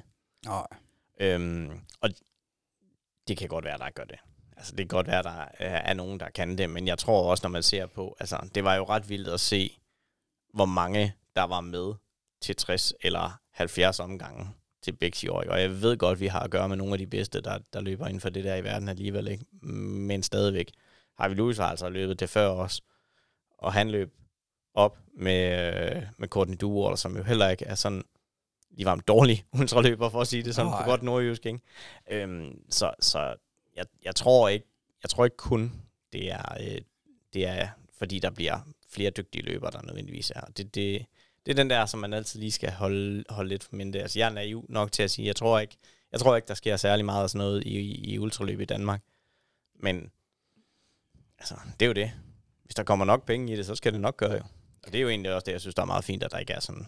Altså, jeg gad da godt at kunne, kunne, kunne få nogle af mine ting sponsoreret, men, men jeg tror også bare, der er en bagside, som ikke er, så ikke som ikke nødvendigvis er så god endda. Ja, det er jo nok ret. Jeg, jeg, slet ikke, jeg har faktisk slet ikke overvejet det før. Altså, men det er derfor, jeg har faktisk tænkt over det der med, hvorfor fanden er, er ultraløb ikke lige så stort som Tour de France, for eksempel. Altså, på, øh, altså, jeg synes jo ikke, at cykling er spændende overhovedet. Og nu er det, det, øh, synes jeg nok bare, at løb er spændende, fordi at, at, at, at, øh, at jeg synes, det var spændende på egen krop, men, altså, men, men, det er lidt svært at forstå for mig, hvorfor at, at det ikke kunne være lige så stort i tv, Mont Blanc for eksempel, der, altså som, som Tour de France, men det er klart, hvis det bliver det, så kan det selvfølgelig også godt være, at, øh, at der kommer lidt mere dope ind over. Ja, altså man kan sige, det, det kan, og det kan godt være, at det er noget andet type dope, hvis vi snakker et backyard, hvor det er meget i forhold til at kunne holde sig vågen i lang tid, der bliver nøglen mere, end at du skal kunne præstere en max VO2. Mm. Øh, det kan godt være, at det er mere øh, de traditionelle fest, øh, Ja. festmedikamenter, der er. Det, det er så også nemmere at få fat i, kan man sige. Ja. Men ja, Ja. Hvad hedder det? øh, Jeg tænker, vi skal nok snart til at runde af. Vi kører i halvanden time nu. Det var skide hyggeligt. Men øh, hvad, hvad glæder du dig til at, øh, at komme ud og løbe sådan rigtig øh, 48 timer? Er det noget atletikbane, I skal ned på i Ungarn, eller hvad? Ja, jeg er lidt usikker på, hvordan banen er, men jeg tror ikke, det er ren atletikbane. Jeg tror, det er sådan et par øh, to kilometer Okay. okay. Det, jeg lige sådan har kunne læse mig frem til, øh, jeg har, kender en af dem, som har været med til at, at, at indstille til at få det. Øhm, så jeg har haft øh, lejlighed til at læse nogle af deres øh, ansøgninger igennem, og så vidt jeg kan se, så er det noget asfaltrute rundt på et par kilometer. Ja. Ej, det bliver altså fandme spændende at følge. Er det, det er maj næste år, at I skal ned og løbe med landsholdet i Ungarn? Ja, det er den 31. maj, vi starter. Og så, ja. 48 timer frem der. Så. Ja. Ja. Jo, det bliver jo vildt spændende. Altså, det er jo første gang, jeg skal løbe et, et 48 timers løb. Øhm, som Ja. ja. et timeløb, ikke? Og man kan sige, jamen, du har jo løbet øh, 41 timer, du har løbet 48 timer før et backyard, men, men det her, det er jo noget andet, og det er jo heller ikke nogen hemmelighed, at, at øh, øh tro imod, hvem jeg er, så kommer jeg jo heller ikke og siger, at jeg skal i godsøjne bare løbe 200 miles på 48 timer, og det er ikke for at sige, der er overhovedet ikke noget, der hedder bare at løbe 200 miles, men, men i min ambitionsniveau vil jo i hvert fald være højere end det. Ja. Øhm, så derfor så skal man jo gå til det på en lidt anden måde end backyard, men, men der er nok noget læring fra backyard, som kan overføres, som giver god mening, at man ikke nødvendigvis behøver at ligge og løbe 11-12 km i timen de første mange timer. Øhm, for eksempel. Ja. Så. Altså, du skal op og løbe 350 km, har det? Ja, det, det vil jeg gerne. Jeg vil også gerne lidt nord for det. Ja, sindssygt, mand. Spændende. Det, det, det, det vil jeg gerne, men det er jo, og det er jo det, der er så spændende, og det ved du jo også. Altså, der, der er jo der er jo så mange ting, der skal passe sammen. Altså, jeg, i mit hoved, der er der jo et fantastisk citat fra, øhm, øh, fra, fra den her film Shooter med Mark Wahlberg. Øhm, der er på et tidspunkt, hvor han sådan skal lave det her sindssygt lange, hvad er det, to, to miles øh, skud, eller hvor, hvor mange kilometer det nu er, det kan jeg ikke huske. Man siger sådan, jamen når du skal skyde så langt, altså alt kommer i spil her, ikke? Det er jo, det er jo luftfugtigheden, det er jo vinden, det er, jo- det er jo selve jordens rotation, ikke? Altså for ligesom beskrive det her med, altså alle de ting, vi bare sådan tager for givet i, altså, hvis du skal løbe et maraton, og jamen, hvis du misser et væskedepot, okay, det, det går nok. Det er jo ikke, fordi du crasher. Det er, hvis du ikke lige får den gels, du skal have, jamen, det går også nok. Du skal nok komme i mål. Det kan være, det koster dig lige nogle sekunder eller nogle minutter øh, på toppen, ikke? Men, men det er jo ikke, fordi det ødelægger dit løb. I, et, I et så langt ultraløb der, jamen, så er der bare ikke plads til de der ting. Altså, der er nogle helt andre ting, der kommer i spil, ikke? Altså, ja, en væbel undervejs på et maraton, fint nok, det løser vi bagefter en væbel tidlig i ultraløb. Ja, det løser vi lige her nu, for ja. ellers så bliver det et problem, ikke? ja, for helvede, mand. Ja, det er lang tid at være i gang. Det er det altså. Og, det, og, og du vil jo så gøre det uden at sove overhovedet, kan jeg regne ud, hvis det Ja, det, det, det, det vil være målsætningen at kunne, kunne løbe igennem der uden at, øh, uden at sove. Det kan godt være, at jeg har behov for at skal ned lige og ligge en, en halv time på et tidspunkt, men, men målsætningen vil være, fordi jeg har så svært ved at falde i søvn i forvejen, ja. det er at, at holde mig i gang hele vejen. Ja. Ej, det bliver sgu spændende at følge. Har du så aflyst øh, nogle andre løb til næste år, når du bliver udtaget? Nej, altså jeg havde sådan lidt, øh, jeg har sådan lidt kigget på, om jeg skulle løbe øh, DM 24 timer havet. Ja. Øhm, og det, øh, det ligger samme weekend. Øhm, så det er, det er jo selvfølgelig så øh, røgnet ud af. Men ellers så havde jeg faktisk egentlig ikke, fordi jeg havde besluttet mig for, at nu vil jeg lige lade det her år lige stå åben lidt mere end normalvis, så ville jeg have planlagt mit år fuldstændig nu her. Men, øhm, men, men nu har jeg lige ladet det lidt stå åben, så det passer så fint med, at, at, at 48 timer ligger ja, der i starten af slutningen af maj, starten af juni. Og så ligger der jo så øh, Backyard Teams i midten af oktober. Øh, så det er de to store A-løb. Og øh, jeg ved godt, jeg har også af erfaring nu lært, at øh, der er grænser for, hvor mange løb jeg skal putte ind i en kalender. Det tror jeg også, vi har haft en par snakker omkring, at ja. du nok har kørt lidt hårdt på. Ja. Øhm, så, så, øh, så jeg kommer også og løber, øh, løber way out, og øh, det, hvor meget langt jeg løber der, det bliver sådan lidt afhængig af, hvad, hvad Jesper han, han siger, der giver mening. Hvis Jesper siger, Alright. Du løber der bare fuldstændig i hegn, hvis det er det, du, der giver mening, fordi det er to måneder før. Mm. Så, er det, så er det det, jeg gør. Det tror jeg, jeg kan komme og sige. Det vil, det vil overraske mig meget. Ja. Øhm, så skal vi løbe 20 trail marathon. Et super, super hyggeligt løb. Det kan være meget, meget barsk. Øh, det kan være en meget, meget hård marathon. Men øh, det passer med, at jeg falder på min fødselsdag. Så, øh, så, så det er jo en fantastisk måde at holde, holde en fødselsdag på. Øhm, og så tror jeg faktisk egentlig ikke, vi har så meget i kalenderen mere der kommer til at være lidt nogle træningsløb, vi kommer til at, til at lave, Julie og jeg, øh, i forhold til det. Og så... Øhm, jeg må se, hvordan jeg har det efter 48 timer. Jeg gad faktisk godt ned til Everesting, ned i Silkeborg. Øh, ikke for at løbe Everesting, fordi den, det, det, er, det, det er godt nok hardcore. Øh, ja. det, det er et af de få løb, jeg har løbet, hvor jeg siger, det gør jeg aldrig igen. Øh, og det er ikke, fordi det er et dårligt løb på nogen måde. Det er bare, det er bare sindssygt hårdt. Øh, men om jeg tager selv ned og løber, eller jeg tager ned for at hjælpe, eller til, til, til, til at få supportere, eller hvad det er, det, det, det ved jeg ikke lige helt endnu. Det kommer lige til se, hvor ødelagt jeg er efter 48 timer. Ja. hvad er det, det der Everesting? Det, altså, hvor man prøver at få, uh, få, få de samme højdemeter som Mount ja. Everest? Ja, det er 8.848 højdemeter på 130 km. Ja. Det er sådan i rundetal sådan en gennemsnitlig stigningsprocent på 6,5. At det er... Øh, og, og det er trail det hele, og, og det er på en, jeg mener, det er 4,1 km rundstrækning cirka. Den er, øhm, det er hårdt, som helt hjernedødt hårdt. Ah. Altså, jeg tror, jeg tror, de sidste omgange, da jeg løb det der i, var det i 20? Jeg tror, det var i 20. Det tog næsten en time. Okay. Det er, impo- det er imponerende, at man kan tage næsten en time om tilbage, ikke 4 kilometer, ikke? Ja når man ellers sådan umiddelbart skulle synes, at man var sådan nogenlunde fornuftig form som, som, som løber, ikke? Ja, det er noget andet, når det går opad. Jamen, det er bare, det, det, det, det, er, for, det er for sindssygt. Øhm, men det er virkelig hyggeligt, og det er virkelig løb, jeg synes, man skal tage at tjekke ud. Det er, øhm, det er blandt andet Simon Grenstrup, der står for det, og øhm, det fungerer på den måde, at man tilmelder sig øh, en indsamling til Læger Uden Grænser. Hvis du samler 1000 kroner ind, jamen tillykke, så er du på startlisten. Nå, cool. Og så går alt overskud til Læger Uden Grænser, og så har de lidt sponsorer, der giver lidt, øh, og så sætter de op der i, hvad der basically er Simons baghave, ikke? Okay. Og så, øh, så hygger de ellers der omkring, og man kan løbe, ja, man kan løbe, hvad det hedder, øh, den fulde distance på Everesting på 130, så kan man løbe Mont Blanc, som det er vel 4.000 højdemeter, 4800 højdemeter måske, på øh, 70 km, og så kan man løbe øh, Galhøpigger, som er hvad er det, 40 kilometer, øh, 6-2700 højdemeter og sådan. Ja, okay. så kan du, og så kan du løbe dem alle sammen som, øh, som stafet. Hold okay. også. Og Det var vildt, mand. det er, øh, altså, og der er bare, det er bare indbegrebet af god trailstemning og hygge, og øh, så er der sådan, at man kommer rundt på den der rundstrækning der, og så løber man ellers afsted, og så, så er det bare, så er det bare hygge ud i sporet. Og, altså, jeg havde jo en oplevelse, da jeg virkelig, virkelig begyndte at blive pyldret, og synes, at verden var meget, meget ond sted at være. Øhm, hvor der var en af, en af dem, der var med til at hjælpe med at arrangere en, der hedder Gitte, og "Nå, skal jeg lige gå? Skal jeg lige gå en omgang med dig så? Og så tror jeg, hun gik fire eller fem omgange sammen med mig.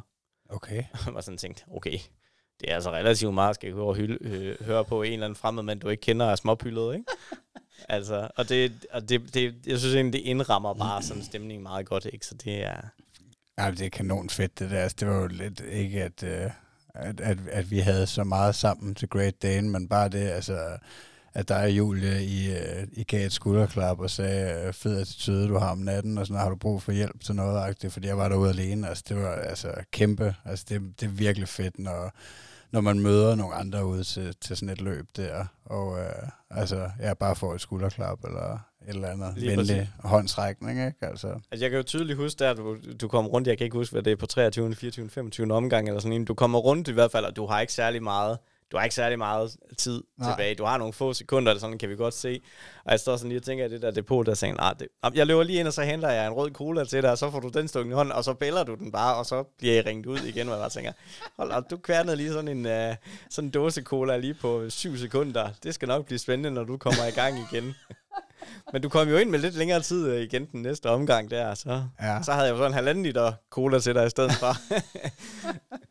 Ej, det var fedt, mand. Det var, det var fandme en kanon oplevelse. Hvad hedder det? øh, Dit, øh, dit nye løb der, hvad var det, det hed? øh, løbetosset, løbetosset Looney Loops. Looney Loops, ja. Ja. Det er ikke udsolgt endnu, hva'? Nej, det, det, det går faktisk meget slut med, øh, med tilmeldingerne på det og, det. og det er måske, fordi jeg ikke har været så god til at forklare, hvad det egentlig går ud på. Men tanken er, det er, det er 20 stjålet fra, et, øh, fra Sverige, hvor de har overholdt løbet. Og det er egentlig, at man har sådan tre forskellige loops. En på 2,1 km, en på 4,2 km og en på 5 km. Og øh, man vælger først, hvad for et loop man vil løbe på, inden når man tilmelder sig, og så melder man tilmelder sig, hvor mange omgange man vil løbe. Og der kan man så løbe fra 1 til 12 omgange. Og øh, man har 30 minutter til det. Så øh, alle bliver startet, og der er sådan en fælles startområde, hvor alle tre loops, de sådan ligesom kan mingle ind imellem. Så når starten går, så løber man afsted på hver sit loop, og så kommer man retur på, har måske 5 minutter til næste start, går ligesom i et backyard i virkeligheden, ikke? Så kan man lige slappe lidt af og chille lidt og komme på toilettet, eller hvad man nu lige skal. Og så ringer vi næste omgang i gang igen igen. Så løber man ud på sine respektive loops igen, ikke? og det er sådan her over i en park i, i Aalborg. Så, øhm, så hvad der er 2,1 km loopet, det er jo inde i parken, der kommer ingen bil eller noget som helst, der kan man jo gå eller løbe med øh, små børn, han har sagt, og så er der et 4,2 km loop, som er sådan lidt mere trailagtigt, og så er der et 5 km loop, som så er et primært asfalt øh, loop, og så, øhm, så er tanken med det, at man løber, øh, hvis man tilmelder sig 12 timer, så starter man klokken 9, og hvis man tilmelder sig en time, så starter man jo så til den sidste halve time. Så i løbet af dagen bliver der flere og flere og flere løbere, Ja. så man ligesom slutter af med den sidste halve time, hvor alle de tilmeldte, de kommer og, og løber, og så er man så færdig der klokken ja, 3 må det være. Ja, okay. Altså, det lyder meget hyggeligt. Der er også lidt for alle, jo. Altså, man kan maks løbe 60 km, så. Ja, man kan maks løbe 60 km, og altså jeg vil sige, skulle jeg selv vælge det, så, så vil jeg nok øh, nøjes, han har sagt med 50 km, og så køre trail loopen, mm. som er lidt mere øh, spændende, men, men, men der er lidt flere rødder, og der er risiko, og der er lidt flere højdemeter på, og sådan nogle ting, så... Øhm, så det er sådan et, et forsøg på at sige, kan vi, kan vi prøve at gøre, øh, tage, tage noget af det her omkring backyard, som er meget fedt med netop det sociale, kan vi tage det ned, sådan at det er endnu mere for bredden, så det ikke er, for der, altså ligegyldigt, der er jo også 6,7 km, kan jo godt blive langt for nogen efter et par omgange. Ja. Øh, jamen her har man så mulighed for at kan, kan gøre noget andet i stedet for. Ja, jeg tænker, at det er en øh, fin måde. Altså, folk skal da tjekke det ud i forhold til at, øh, at prøve rundeløb, som jo også er altså, så, blevet så populært for mange. Altså, og nu kan man snart ikke få en billet til et backyard, så, det præcis. så man kan i hvert fald teste det der. Og det er jo også, altså, det synes jeg er jo sjovt ved backyard, at der er jo folk, der altså, har løbet et, et halvt maraton der kommer og løber 50 km, ikke? Og, og virkelig finder ud af, at de kan noget andet, fordi de sætter tempoet lidt ned og noget. Og så er det super socialt. Ja, hvad, har du, hvad var det længst du har løbet, inden du løb det backyard? Øh, jamen, jeg havde, jeg havde løbet øh, 100 miles op, hos, øh, op øh, til Cold Hawaii, det er Simon rigtigt, ja. Ja. Så, øh, så, så det var jo ikke, fordi jeg løb så meget længere, men, øh, men, øh, men ja, altså det er også det er den eneste gang. Så. Ej, du har også nogle rimelig fine øh, skalpe på CV'et allerede jo. Altså, Ja, tak, tak. Ja, Det, jeg har brækket nakken et par gange i år, føler jeg, så forhåbentlig bliver det bedre til næste år med mere succes. ah, det, det tænker jeg. Nu må vi sige, som vi også har snakket om, vi kigger lige lidt på dine planer. Så du havde godt nok travlt, at du skulle løbe et 100 miles løb, 100 km 14 dage før øh, var runner clock, ikke? Ja, det, ja der, der var jeg til det der Enduro Trail, hvor jeg stoppede øh, på 120 km-agtigt. Øh, og det tror jeg også altså, egentlig var, fordi jeg var bange for, at, øh, at ikke at komme op til dig, eller ikke at kunne præstere op ved dig, og så ja, føler jeg jo egentlig ikke, at jeg havde succes i nogle af tingene, så ja, det er nok en, øh, en lektie at tage med, at øh, måske skal man ikke have to lange løb med 14 dages mellemrum. Ah, det, det er nok lige at spænde, ja. Ja. spænde sig selv lidt for stramt for. Ja, Jamen, så I skal i hvert fald gå ind og tjekke, øh, tjekke det ud, øh, Looney Loops, by Ja. ja. Løbetosset. Og så Mhm. kan man jo tjekke øh, din øh, hjemmeside ud, løbetosset.dk, hvis man skal bruge træningsvejledning og så videre, ikke sandt? Og øh, selvfølgelig, man kan også finde mig på sociale medier på, på løbetosset.dk. Instagram og Facebook. Mm-hmm. Ja. Ja. jeg er ikke så, jeg er ikke så hip og moderne, at jeg er på TikTok og øh, Snapchat og hvad har vi ellers. Nej. Det, der, der er jeg åbenbart lidt for meget gammel røvhul. Ja, det kan sgu også blive for meget. Ja, ja der, øh, vi holder os til, de, øh, til det her, der næsten er blevet en øh, boomer-segment. øh. Ja. Altså, det var for en kæmpe fornøjelse, morgen. I lige måde, Hans. Tak for det. Så tak.